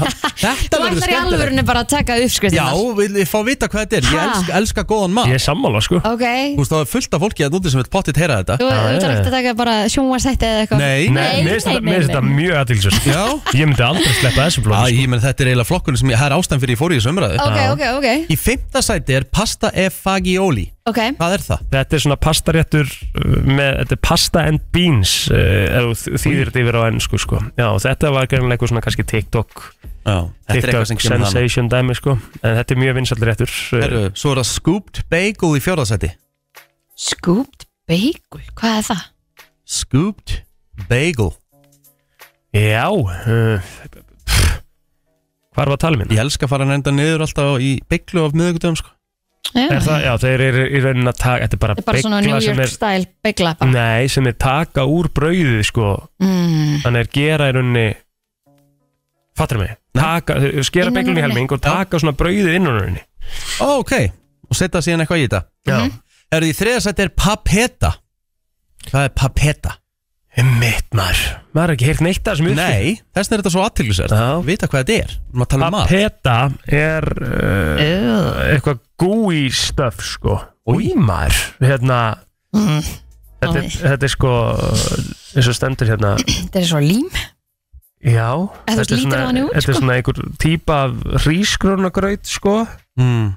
Þetta er eitthvað uh, hérna Þetta er eitthvað frá, Ind- þetta er frá, Indonesíu frá Indonesia sko um, Þetta snýst um það að- að- að að elda sago starch með vatni og hræra þangað til að það verður bara að slími sko Mhm. Fólk er að geta þetta Já. Þetta lítur bara ekkert, þetta lítur bara ræðilegt sko Svo er það næsta Það er espeto Mhm. Þetta er eitthvað skonar uh, Þetta er eitthvað svona dish frá Malaga og Granada uh -huh. Þetta er svona fiskur. Mhm. sardínur og Ugh. Aðteklisvert maður Já, ég er ekki að fara að elda neitt að þessu Nei, Erðu og efst er bibimbap Já, það er enda snarlúkar það, sva, þetta- það er rosalegt Mæs þetta Mhm. Þetta er svona Bibimbap Korean mixed rice with meat and assorted Ó, eitthvað ekkarn og ono Já, Þetta er svona bara svona, hvað myndum maður kalla þetta, þessa skál, svona, Þetta er bara skál svona pókei já, skál einhvern já, veginn já. En rauninni. nautakjöt í þessu og laukur og svekk Kanski maður gerir bíbí-pamp Bíbí-bamp Núna í vikunni Já Erðu, förum í lögin Mest googluðu lög 2023 5. seti Cupid 50-50 Þú varst eiginlega að spila þessi lög sko veist Ah. það? 50 Sko Hérna er þetta 50-50 Hérna Já, hann er að koma líka aðeins aftur inn í það sem við vorum að ræða í tónlistafólkinu sko Já, þetta er bara TikTok Þetta Þetta er TikTok Já, þetta er bara Já. gjörsamt TikTok-leg sko Spilum við þetta, nei, ég man ekki Já, eftir því. já, já, já Við spiluðum þetta sko Herðu, og uh, svo er það uh, Sam Smith í fjórðarsæti Unholy En uh, hán gaf þetta væntalega út á árinu ekki Já Og þannig að var bara alls konar svona í kringu þetta lag Varandi vídeoið það ekki og Mhm. alltaf hvernig hann Var það- kom fram á tónleikum og þú náttúrulega fórst á Sam Smith Ég fór á tónleika áður. sams með tónleika og þeir voru Já, törvillir já. Já Þannig að Va Var þetta TikTok eitthvað? Nei, nei, nei Sko, og svo er það í þriðarsæti Það er BSRP og Shakira Þetta geta lag sem að Er þetta ekki að lægið um hann? hann Er að, Það ekki, Gerard Piquet já, Og svo náttúrulega kemur í öðru seti Try That In A Small Town Það er lagi sem að við vorum að tala um aðan með Jason Aldean sem að var Mhm. mikið, hérna controversial, varandi textan og, og, og eitthvað í kringum See how far you make it down the road. Round here we take care of our own. You cross that line, it Þetta er- won't þetta er ekki take net long country. for you Þetta er to country, find hann Jason Aldean er country sko. tónlistamæður aha. En s- s- uh, uh, brífaðu með mér aftur húst, Hvað var með textan? Það var bara uh, verið að tala um að þetta sé eitthvað svona ra rasismi inn í textan Já, meinar Þessi, akkurat þessi lína me. They say one day they're gonna round up. Well, that shit might fly in the city. Good luck, try that in a small town. ah, Try that in a small town mm, Já, mitt Já, já Efsta lagi þarna, það hefur við aldrei heyrt um Nei, nei, ég get ekki eins og borðað fram að þetta er með kínverskum stöðum mm uh, Lægið heitir allavega Jóa Sobi Þau ekki að hérna taka- Nei, það er Sko. Nei, listamæður það er Mhm. Það listamæður er listamæður Ok Hérna hlýtur þetta að vera Við verðum að heyra, þetta er mest googlaða lag ársins 2023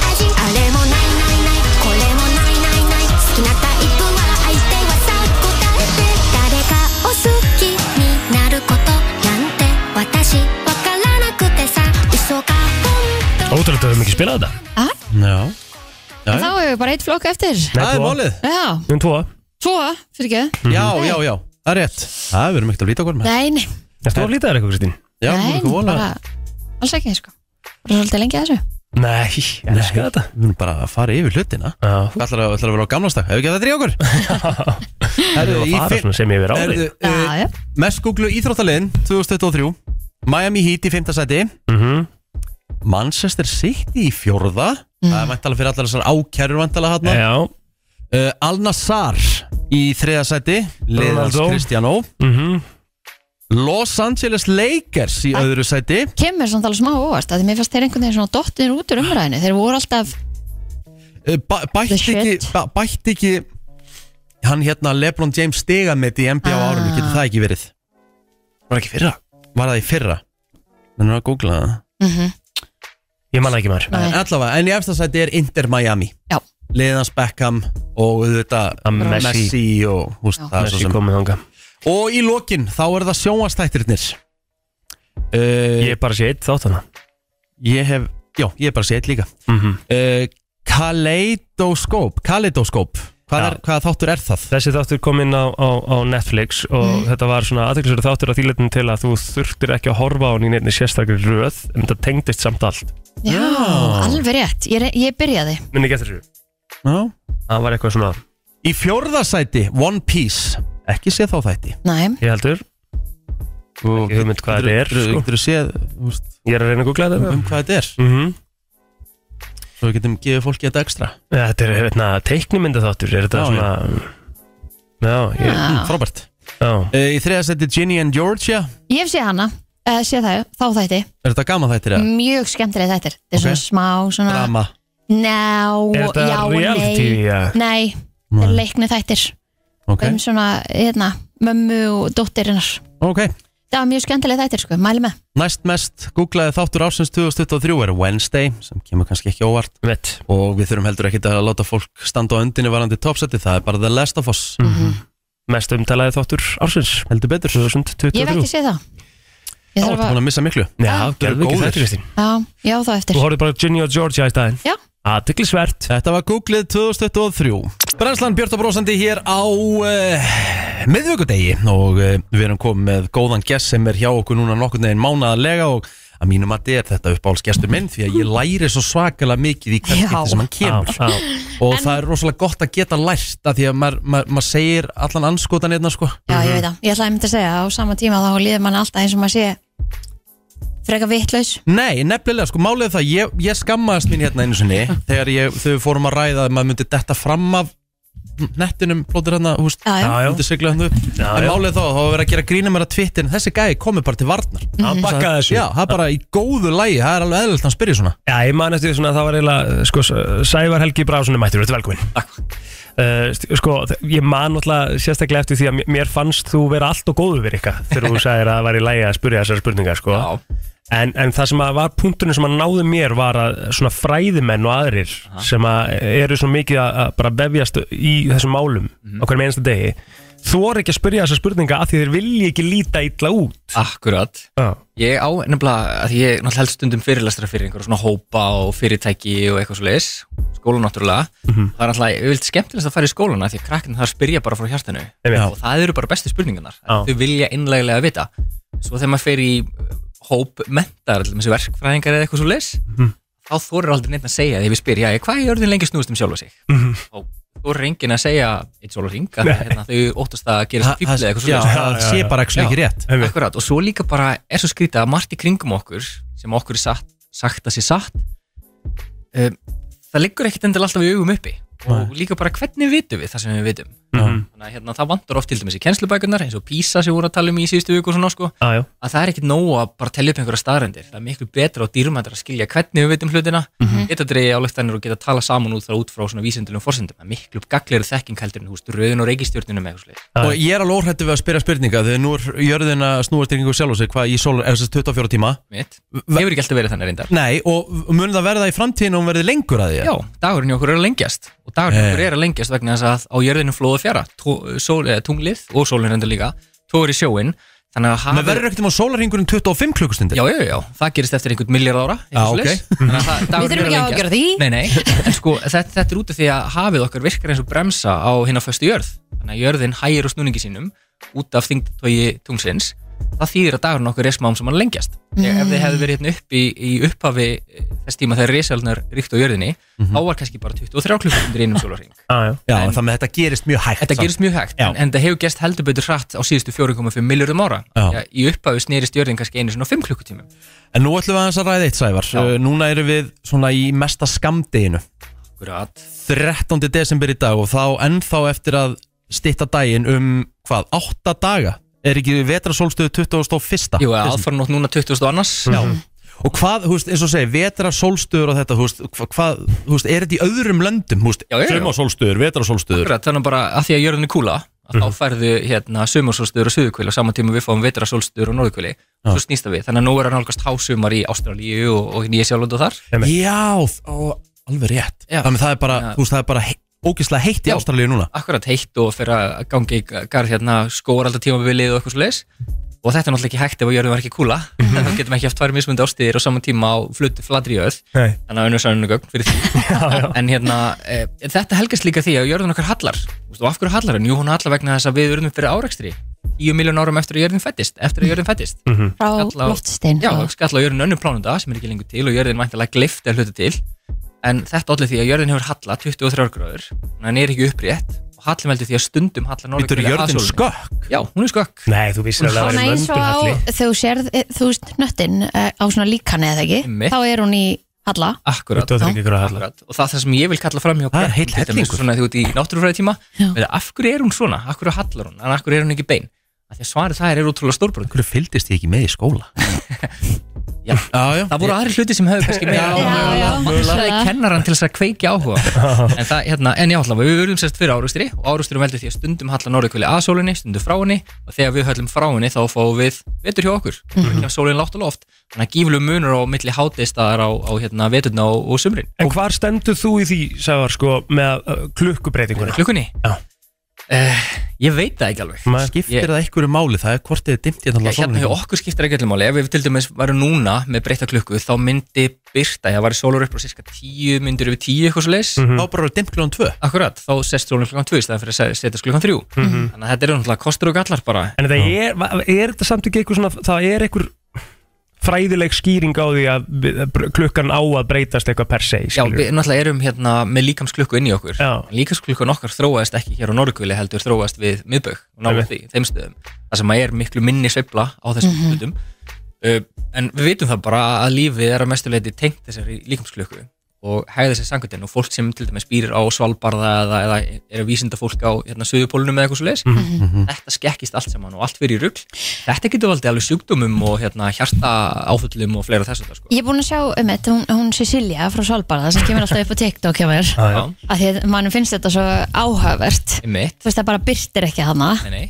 Er, er þetta eins sem sagt á Suðupólunum? Já, þannig að á Þá- Suðupólum þá- er það akkurat öfugt Núna er Mhm. bara bjart. Ah, Já, nú er sólum bara á lofti allan sólurringin bara næri ekki yfir 66,5 gráður hérna á norðuskutinu þannig að það er alltaf dimmt en á sömulegis á Suðupólinu þá er alltaf, alltaf bjart þarna síðst Mhm. Svo bara snýst það við á sömurinu auðvitað En af hverju er svona miklu kaldar þar heldur en Heldur en hér Norðupólum? Já. Eh, Hjá okkur er það til dæmis hérna eh, hafströmmanir litja varma lengra út ekki með svona fast landslag á norðupólum eins og þú ert með fast landslag á söðupólunum þannig að þú færð svona heimskuta lægð á þessum slóðum og mikla kulda sem fylg, því fylgja þannig að það er minna af einmitt svona varma sem berst úr hafinu eh, berst með hafinu til söðupólun sjálfs þannig að söðupólun verður yfir kaldast í staður Ok. okay. jörðinni Nú kemur spurning Og þetta, Yes. já, þetta gæti orðið Mjög þetta- gott. Þetta gæti orðið eitthvað Nei, bara frábært. Já, eins og til dæmis við erum mjög norðarlega Já. Mm. Og eins og núna, þá er bara dimmt hjá okkur allan sólarhengin Þú veist, og ég meina þetta er á fleiri stöðum Ég meina svalbarið sér í valla dagsljós núna Einmitt. eh, En þeir sem eru alveg siðst Já. og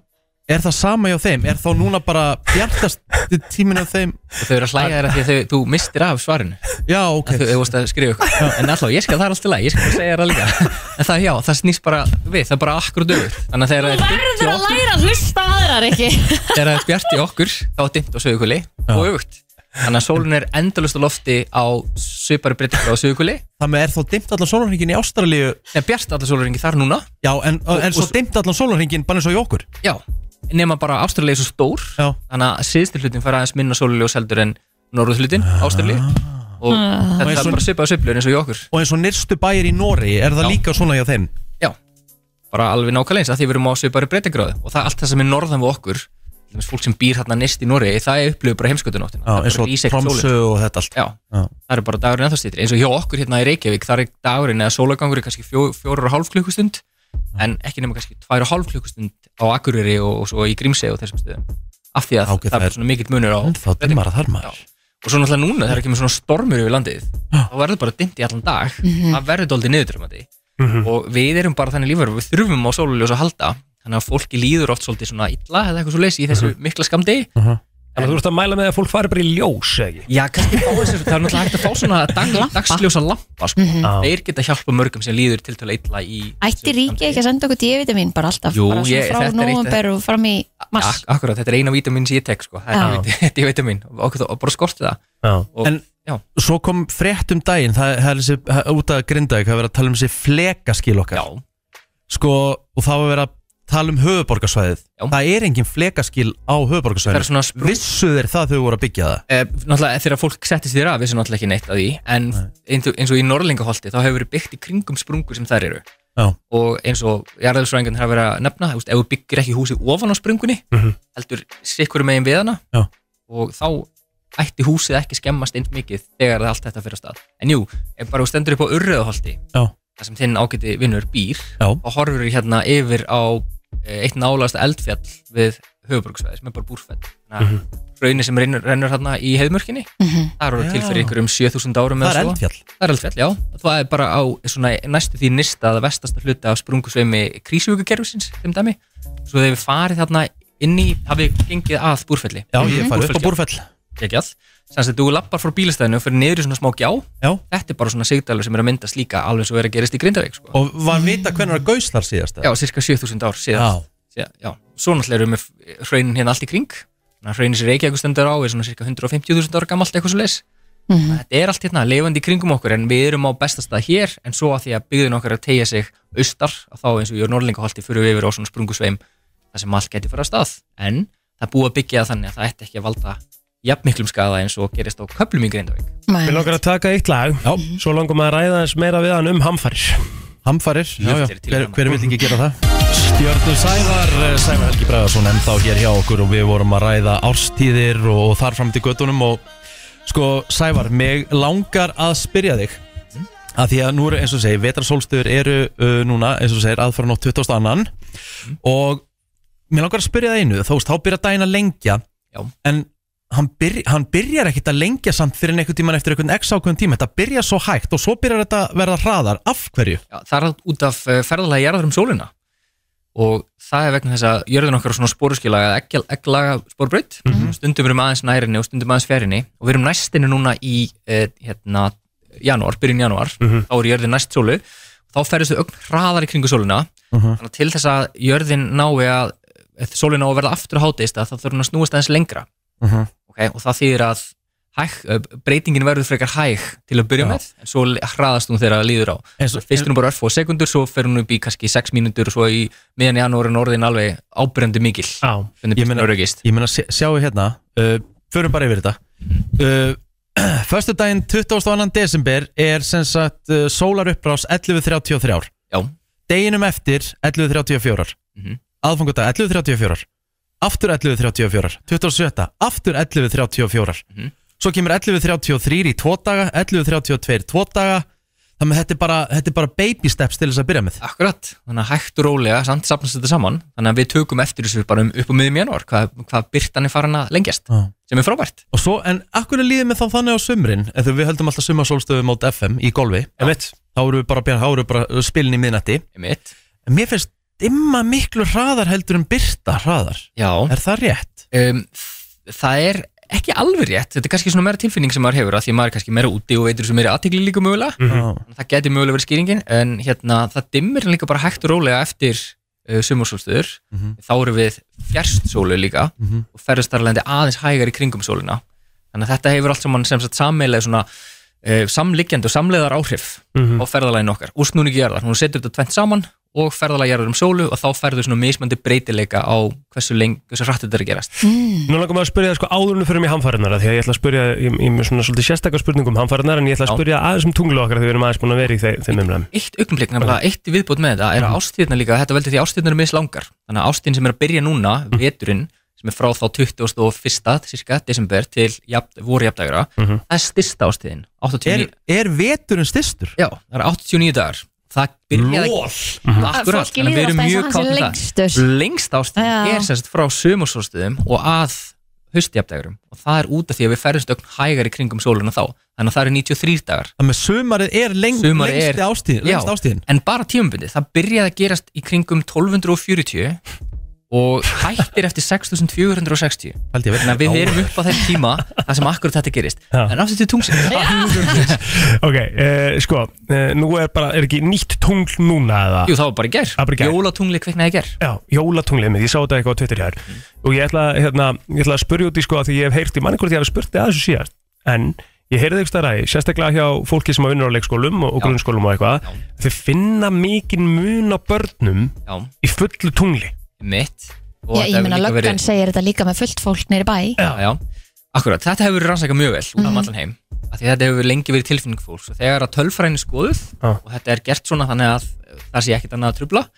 þá kemur í ljós að það er engin tengsl þarna á milli Nei, ok, ah, ok. uh, hins vegar, þegar fólk fær útborgað um mánaðamót Já, ok þá getur orðið getur orðið læti í bænum og, og meira fyllir í og Já, svo. Þannig að þetta eru Þannig að meira Ah. það er peningar heldur mei, en- Já, meira eitthvað í kringu þá og náttúrulega bara stress sem að börnin upplifa í kringum þú veist, einhver ákveðna atburði í árinu og svona Já, jólastress og þessu þar já, já. Þannig, að hérna, en það hefur ekkert að- einhvern tíma reiknaði út í tíma ég hefur að kenna í MR þegar fólk talar um það þegar tunglið er fullt og svona hefur meiri þingdar áhrif og svoleiðis. bara ok, þegar tunglið er næst okkur hvað hefur það mikil þingdar áhrif þá fundum við sérst út að uh, fiskifluga sem Mm. svífur við hliðina á þér hefur miklu meiri þingdar áhrif heldur en nokkuð tíma tunglið á þig þegar tunglið er fullt og næst í jörðu Já, ok, það er bara Ok, þú- en það þetta er bara skiptir að finna engu nýtt- máli. það er engum Nei, máli nei. en alltaf bara á þegar fullt, tunglið er fullt þá hérna, uh, ég skil alveg vel að fólk heilist að því af því þá náttúrulega lýsir upp nóttina og okkur líður aðeins öðruvísi og Já, já. þess að sko Einmitt. en hérna það hefur engin svona Það er svona meira engin til, mælanlega áhrif tilfinningarlega Að- e, akkurat og Svona jafnvel tengsl. eitthvað sem er við svona uh, staðfustu kannski sjálf Já.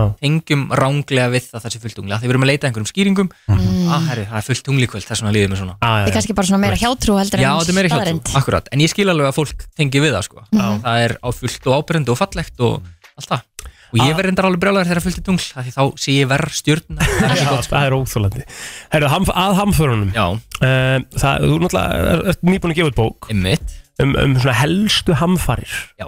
jarðarinnar. akkurat Ég ætla að spurja þig sko uh, hvað er hvað eru mestu hamfarir hérna? sem dunið hafi verið duðin að þau eru Það er alveg klárlega fyrsti kaplin í bókinni Já. sem heitir Þeia og þá sá kaplið fjallar um það þegar tunglið varð til þá sem sagt kom önnur plánunda sem var helmingi minni en jörðin skalla jörðinni með þeim afleðingum að jörðin byrja að halla þess vegna fáum við vetur sem að voru haust og þess vegna er dagurum mislangur hjá okkur Þannig að Ú, það tengingin er afleðinga af þessum árustri Já. okay? og svo uh, í raun og veru jörðin bara ripnar uh, hluti af þegju plánundinu grefst hún í jörðin og er mögulegar ennþá það var- var ný rannsókn sem var byrt bara núna í síðasta mánuði sem bendir til þessar tvö svæði inn í jörðinni þetta eru leifar af þessari plánundu en allavega þá bara bránaði öll jörðin hún dúaði svona eins og hlaup í geimnum þegja sjálf flattist út eins og, eins og pizza og hægt og rólega þá skust náttúrulega efni út í geiminn, það er reyndar ekki hægt og rólega brjálfislega miklum hraða og úr þessu efni sem skvettist út í geiminn þjappaðist saman tunglið og þetta eru sönnugögg sem við öflum úr grjótinu sem við höfum fengið frá tunglinu Sem bæði er með lotstinum og líka Já. með tungfærunum Mhm. þannig að þetta er svo kenning sem passa við sönnunagögnin Mhm.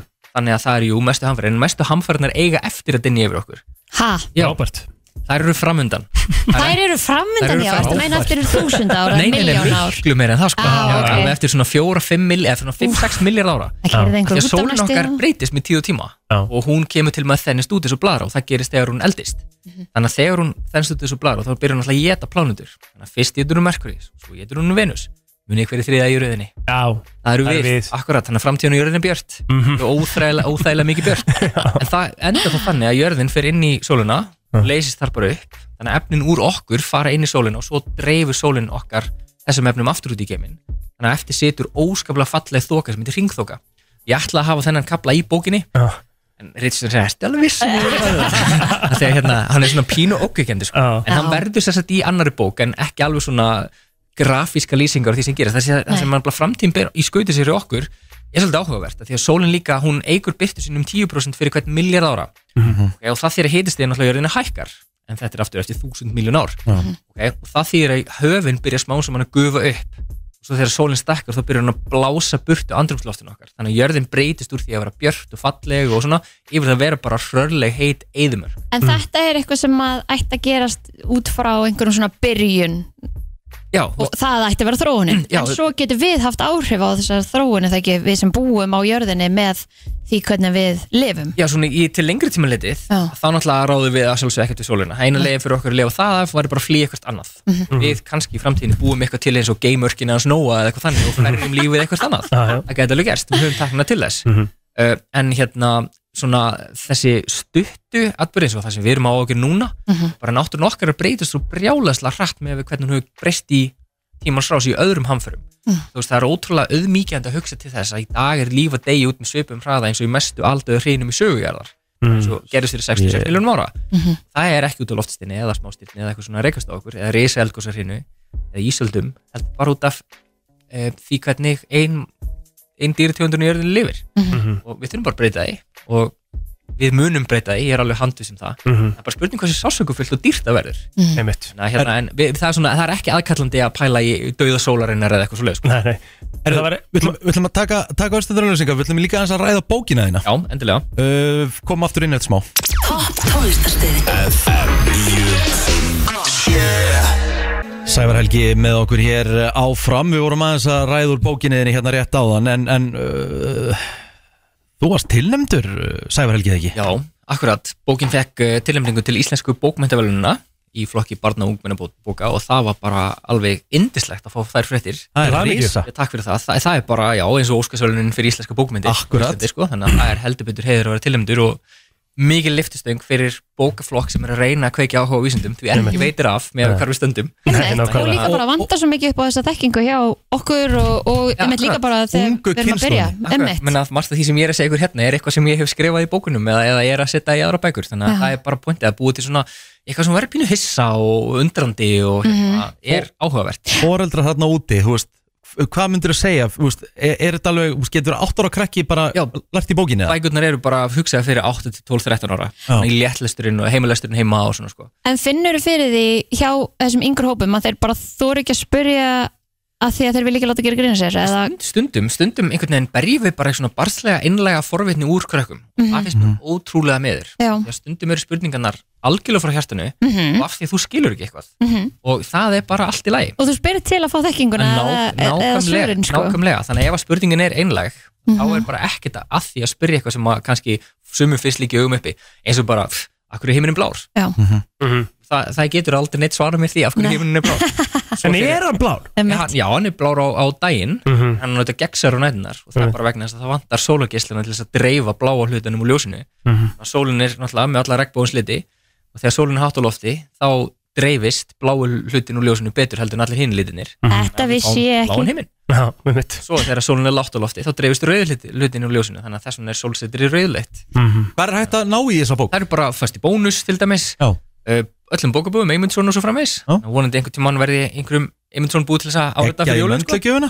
Já, Dæmis. fullkomum Já, mörgum bara ég kveit, þannig að þetta er hamfari sem sagt og bókaflokkun heiti vísindalæsi bara Mhm. mm -hmm. alla bækunar og all, öll heimili hjú, og plögga, plögga smá Já, nei, 100% Að Þetta er líka það aðteklisvert Mér langaði sko að því ég var að spyrja þið svona áðan um, um, um Verstu langar mig- hamfarir. Mm. Já, verstu hamfarir En þá langar mig að spyrja þið um, um kannski svona nýlega verstu hamfarinnar Já.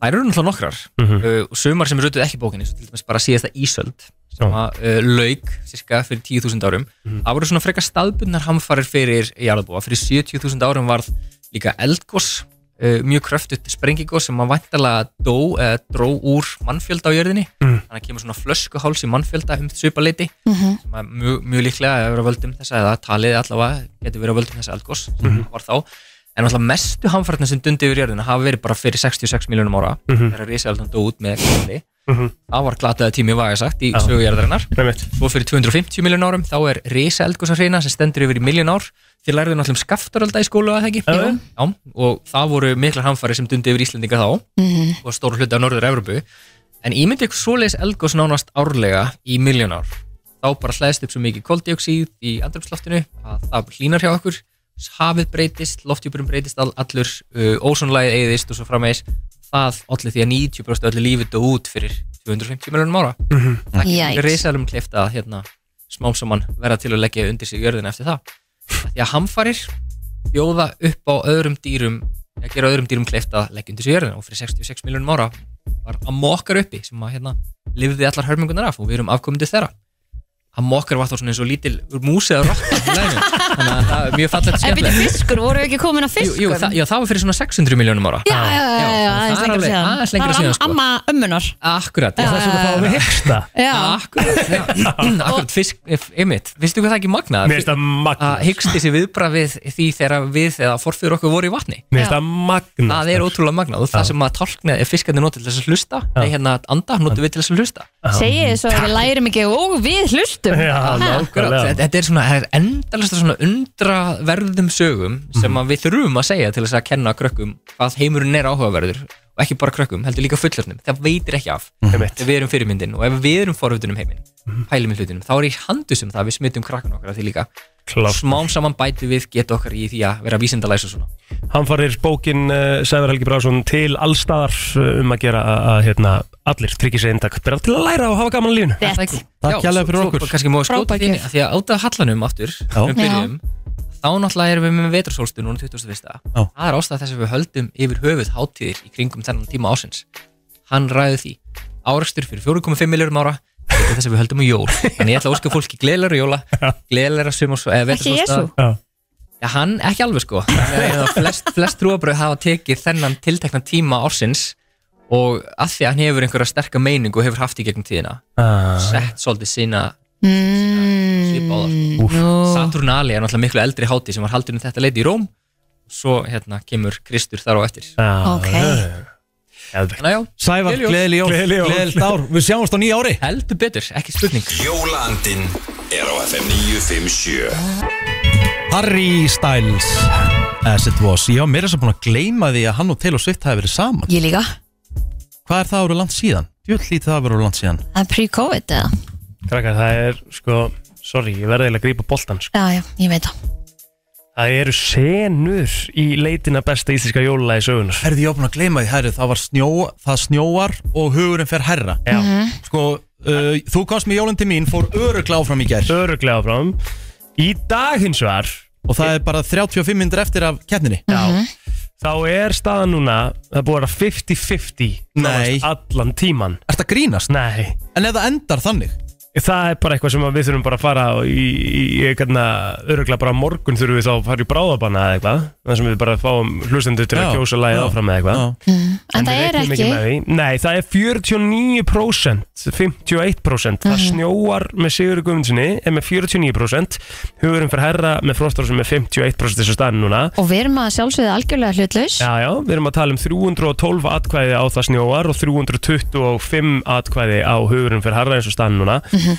og um, það er sko ótrúlega en satt, þá er núna síðustu fimm, maður sé, síðustu, nei, síðustu eh, tíu atkvæði hafa verið á hugurinn fyrir herra Þannig að það er ennþá 35 Mm, hell. mínútur til þess að fara hann inn og, og, og kjósa því að við munum tilkynna núna, að við ætlum að gera það þannig núna því að Mhm. við erum með polli í gangi þá munum við tilkynna það bara í, í lok þáttar Mhm. Fuck! Hver vinnur? Hver vinnur? Þetta er Ég er ekki náttúrulega hlutlaus, ég var að kjósa sko Þú, já, ok, ég, sko, í gær var þetta erfitt, í dag er þetta ennþá erfiðara og með kviði fyrir morgundeginum upp á hvað verður þá mm. Þannig að, hérna, að fólk verður bara að drífa sig inn í Instagram story af 5957 og eh, taka þátt vera með því Þetta er að alveg fáránlega spennandi um það verður að hérna kjósa sitt upp á slag og bara í leiðinu auðvitað taka þátt í jóladagatæla F957 í dag 13. desember erum við að gefa 30.000 krónar gjabrif hjá Play þá þarf bara einfallega að taka einhvern vinnin og uh, þú getur unnið 30 krónar gjabrif hjá Play Það er svakalegt sko þetta er ekki, þetta er ekki flókið sko Nei Herðu, af stað Já, með ykkur hérna, herðu, já. Farið í kostningu Núna, í kvelli Það er komið að þeim virta Vissir þú að abar kúka bara einu sinni í viku? En vissið þú að selir gera í rauninni ekki neitt? Tilgangslösi móli dagsins Í brennslunni Ég er með þann virta í dag Já Og það eh, er stórt Það Ég fyrir að ætla- það sé eitthvað þema Já, temað er Taylor Swift Nei, Ég ætla að kynna ykkur aðeins betur fyrir Taylor Swift þú leiðir þér þess að gerast Já, já, The woman, the myth, the legend Já, ég til í þetta Herðu, mm, vissu við það að hún ólst upp á svona bóndabæ sem var að selja jólatri Nei, Það var svona Christmas Tree Farm Já, ok skemmtilegt Gæðett Ólst þar upp og uh, Hvort ætlum þá elski jólin eða hati jólin? Elskar jólun Já, Þannig að hann hérna, uh, sem sagt alltaf í kringum jólinn, þá var bara stappaða fólki að kaupa jólatriðum. Mm, skemmtilegt. Engum er þess að fara út í skó og höggva sjálf og allt það. Þetta var bara alveg business. Ah. Herðu, uh, hún á bróðir sem að heitir Austin, Mhm. en hann er ljósmyndari. Já, hann er bara atvinnuljósmyndari. Já, ok. Ok, Fyrir hana kannski eða? Austin Swift Austin Swift, það er bara þannig Herðu, uh, Mhm. Wow, eh. Egill. helstu, What an input. Helstu, m- vitið þið einhver nickname á Taylor Swift? Nei, Nei Hún hefur verið viðnefnin sem á oftast verið nefnd uh, nickname Það er Tay Swifty, Tay Swift Tay Swizzle og Tway Sweezy Ég hef neitt að þeim Nei Vissuðu það að hún er sjálflærð Sjálflærður tónlistamæður Já, veit Hún kendi sig sjálf Já, gæðt Hún bara tók upp gítarinn og byrjaði að spila Mhm. Ábært Tí ára Það er betur slefti Tí ára Útlastu leðilögum maður Akkur Bara Ég minnst að magnaði mólar Það er ekki að setja á Já, mólana. en þú samt eins og setja eitthvað áhugaðlega sko Nei, sorry, ég er ekki að setja þetta á mólana Ég er bara að setja þetta að hún hafi virkilega tekið upp gítar og byrjað sko. Pappinar byrjaði að pimpa hana þegar hún var 10 ára gömul og í kringum það sem við byggum Þú Í, í músikinni, um þú varður að segja Hann byrjaði að- að að Hinn- komin á framfæri Já, komin á framfæri, pimpa nú Hvað er Já. þetta? Þið vitið Já. alveg hvað ég er að tala um Já, Músikinni. já, bara svona Jesus, Það er bara þar að vara sér Ísi menning er þetta Já, hérna já. hjá okkur maður Herðu, 10 ára þá byrjaði hún að syngja í kringum sem sagt, það sem við byggum Jólatré, Á- já, dansa svona- kring og jólatré og Já, syngja. Svona alls konar hátíðir sem voru í kring á náðun að kominni og þannig fór fólk að taka eftir henni Já 11 ára gömul, aðeins ári eftir þetta þá var svona fólk farið að taka eftir henni og hún performaði 11 ára gömul á leik í MBF, þar sem að Philadelphia 76ers og hún sönglaði The Star Spangled Banner og um, síðan í kjölfara því þá vann hún svona hæfileika keppni þar sem hún söng Lían Ræmslæðið Big Deal mm. Þar með að uh, Öll hennar helst afreika að koma í kringum country Já, og svo byrjar gítarinn Svo byrjar gítarinn 12 ára gömul Þar var Svona tölvu viðgerðamæður sem var búin að vera heima hjá þeim að laga svona allt bókalskerfi og svona Var mikið hjá þeim Hann kend henni grip á gítar, gripin á gítar Já Þannig Ætli hann sé að fá eitthvað eitthvað fyrir annað. það í dag? Já. Það er spurning Vissu það að Taylor Swift skrifaði 350 blaðsína skáldsögu þegar hún var 12 ára gömul sem hefur enn ekki litið dagsins ljós Já Hann verður ekki eitthvað rosalega skáldsaga Góð spurning sko Nefnum 12 um ára þegar hún skrifar hana Mhm. Getur ekki verið eitthvað masterpiece sko Vissu það að Taylor Swift spilar er sem sagt ekki sprenglærð en hún er bara eins og maður tala reyperandi tungumál þá er hún bara geggjuð á gítar hún er frábær á piano, ukulele, ramaskítar og banjo Emmett, Allt svona- um banjo er líka strengja hljóðfæri, já. Herðu, vissu það að hún er mikill uh, málari sem sagt Hvað, Hún getur bara gert allt Málverk, málverk. Ah, það, Hún gerir það í frístundum og þetta er vís bara mjög flottar myndir mm, Vitið þið hver, hvert er eh, hver eru tvö helstu ædólun hennar í tónlist? mm, báðar konur Já. og báðar mjög stórar Ein Þessi- er mjög stór í country heiminum Já. og hinn er bara svona einn stærsta popstjarna Er það þá Dolly eða eitthvað? Nei, Ok, hún er aðeins yngri þessi Leanne Nei um, hana, Miranda Lambert Nei, Nei. Nei. Hún- Faith Hill Nei. Carrie Underwood Ok, getur þú sagt okkur Shania það? Twain Shania Twain maður Ok, og hinn er hvað haldið þið? Björk. Er- hún meira í poppi eða? Já, bara popp, bara- bara byrjaði mjög ung sjálf Beyoncé Nei, ekki, þetta, þetta, er- þetta er svona hún er svolítið í R&B Beyoncé, þetta er bara pjúra pop mm. popdans mm. hún er lent í smá brasi og átt eruleikum með fyrirlin sinn Mm. Demi Lovato Já Nei, þið er ekkert að nefna Britney eða Já, við vorum bara ekki komið ánga Við Nei. vorum nú búin að búin að nefna eina sko. hún nefndi, nefndi Demi Lovato og undan henni sko Þú sagðir að hún ætti bræst með fyrirlin sinn Já, Það- hún er Þegar bara- kemur Demi Lovato og undan Britney þar eða Eða þú veist, ég bara hugsaði bara eitthvað skilur, yngri eitthvað En vitið þið hvernig hún fór að koma sér á framfæri hvernig, hvernig annað fólk svona í, annað en í kringum bæin og borgina hennar Mm. fór að taka eftir henni MySpace Já, ég ætla að segja shit MySpace kom henni svona af stað Hvernig þá? Hún sett inn vídjón sín á MySpace Vídeón þenn þar, hún var með svona Var þetta að setja vídeo á MySpace? Já, Já, já, já, já Þið viss? já, gæst alveg sett vídjó sjálfur á MySpace Tón, þú, Alveg bara á þessu tónlistina myndir þína. tónlistina eina Já, þú gafst sett Nei, ekki. myndir, ekki vídeo held ég Það er ekki, Allavega tónlistin allavega fælin Já Æja, Eh, uh, Sko Hún er bara svona one man fyrsta, hva, hva, hva, Hún er fætt 89 Fyrsta platan hennar kemur úr 2006 uh, Hún er þá aðeins 17 ára gömul Það var rétt sétta vídeo á MySpace, ég var bara að vera að tjekka, ég var að tjekka 2,5 miljónir eintaka sem að seldust að henni Að hverju, sérum? Að fyrstu plötunina sem hún gáði 17 ára Já. 2,5 miljónir Var það ekki countryplata? Jú er uh, ég gömul, hún og kelsi Já, fyrst, Fyrsti svona alvöru kærastinn hennar Svona að ykkur viti var Taylor Lautner mm. sem að leik auðvitað í hérna tvælatmyndunum það ekki Herðu, en fyndið að því hann á konu í dag sem heitir líka Taylor Aha. Já Þannig að hún tók upp nafnið hans þannig að þau heita það sama Þau heita bæði Taylor Lautner Það er ræðilegt Það er góðum múli Oh my lord 2011 þá fær hún Billboard's Woman of the Year Pæli hvað hún byrjar ung Já, hún var líka kosin, hérna, held ég uh, Akkurat 2021 eða eitthvað Þá var hún held ég kosin Artist of the Century Taylor Swift Þetta Já, er já. rosalegt sko Herru, þetta voru svona mólar um Herðu. Taylor Takk hella Já, ekkert mál Já, klukkuna vantar 5 mínútur í 10 sem þýðir að það eru nákvæmlega 5 mínútur eftir af uh, jólalaga eða sem sagt, við erum að finna Kostningu Ah. dagsins, Kosningu dagsins. Fyrir besta íslenska jólalag sögunar Mhm. Það er jólalagakeppni brennslunar Ríköpum, þetta eru lögin sem að keppa í dag Því það snjóa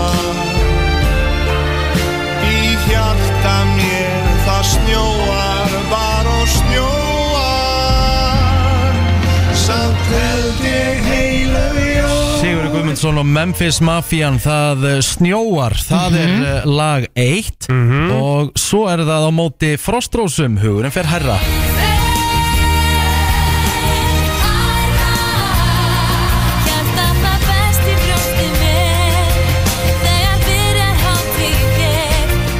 og nú eru fjórar mínútur eftir að kostningu Fjórum myndur eftir að kostningu og við byggumst nú ekki við því en þeir uh, sjá það sem að fara inn á Instagram síðu FNF að staðan er 50-50 Það er svakalegt 50% 50% en það, eru, það er eitt lag sem er aðeins yfir við ætlum ekki að segja hvort lagi það er Mhm. Nei, nei. en það er samt sem aður 50-50 í kostningunni af því þetta er náttúrulega bara heilar tölur Já. en við förum að sjálfsögðu eftir því hvaða lag er með fleiri atkvæði Og þið verðið bara að drífa ykkur inn í Instagram story FM957 og kjósa ykkar lag áfram yep. Því að við byrjuðum í 12 lögum, uh, fórum á stað í gær, það Mhm. voru tvö lög sem að kæftu í gær og uh, þar hafði hérna lægið Þú komst með jólinn til mín, uh, Sigurbítum Mhm. og fer því áfram. Já og það var handa þér með skímó sem að, að datt út úr keppninni og eh, núna er það bara keppni á milli það snjóar og hugurum fer herra og eins og við segjum kostningin er snarjöfn Við vissum ekki að þetta myndi vera svona já, Já, sko. ég, úst, ég, bara datta ekki í hug sko ég ætla ekki að hafa neina áhrif en ég held að annar lagi myndi vinna þú veist, allavega 60-40 sko. Já, þetta gerir þetta mjög skemmtilegt líka mm. þínleitinu til að uh, sko uh, hérna uh, þáttakan er svakaleg Já, Við erum að tala um einhver uh, tæplega þúsund atkvæði sem hafa komið inn Mhm. á þessum uh, nokkru klukkutímum sem að þetta er í loftinu Já þetta er Um, bara milli 7 og 10 Þetta er bara millir 70 og ég er svona Ná, við það erum- þarf að nýta tímann. Við, við, erum- við erum að halda áfram, við erum svolítið að hérna, uh, slípa keppnina svolítið til Mhm. og á morgun ætla ég að hætta kostningu 9.50 9.50 á morgun, ok, þá þarfst að mæta fyrr, 6.50 Já, já, já. það þarf að vera þess að þrjá tíma að því að við þurfum að tilkynna þetta svona þægilega því að núna Já. erum við ekki sko í, við erum að hætta núna í upptöku þannig að þau sem eru að hlusta á, á Spotify við erum að fara að hætta núna á þess að tilkynna lægið sko og ekkert sem við getum gert í sko. Nei, nei. Nei. en það, hérna, það hins vegar þá það bara að fara inn á, á, á vísi til að heyra síðustu mínundar því að við Já. erum að býða hérna þú veist það eru tvær mínundur eftir Mhm. núna nákvæmlega. að kostningunni og við ætlum að vera hérna í loftinu þangu til klukkan tíu Tvær mínútur eftir. En hvernig er dagurinn ykkar, Kristín? Herðu, í dag uh, ég er að vinna við vinkonunar ætluðum að hætt, hérna, hittast uh, klukka fjör í dag til að skreita pippakökur með hérna bönnuna þeirra Mhm. en uh, hóstinn fekk 40 stegi hitta þannig Æ, að æ. það, já, dattu fyrir þannig að ég þarf bara að finna mér eitthvað að gera eftir vinnum, allir ég fari ekki bara á ræktina og fara svo bara heim í eitthvað kósi sko. Það er Það er svona- jólastúsast það Jú, mér finnst mjög líklegt að ég muni klára að pakkin jólgjónum og eh, já, bara svona einmitt klára að helsta Já. finna ammalski fyrir Óla bróðir, hann hann hlammali 22. desember Einmitt. Plóter Herðu, það er svo sem bara bolti hjá okkur félagunum í hátteginu maður þarf að Mhm. undirbúa sig andlega undir það eins og allar með ykkur dag og eh, já, svo að bara líklega eitthvað svona jólastús sko Mm. finnst mér Mhm. líklegt að ég eh, negli ég, eh, Margar að- eftir? eh, Já, ég er alveg svona svolítið að- að fullorðna fólkinu eftir nokkra krakka líka Mhm. þannig að það er svo gaman að eyða peningum Já. þannig að maður þarf að eyða svolítið peningum svona, á næstu dag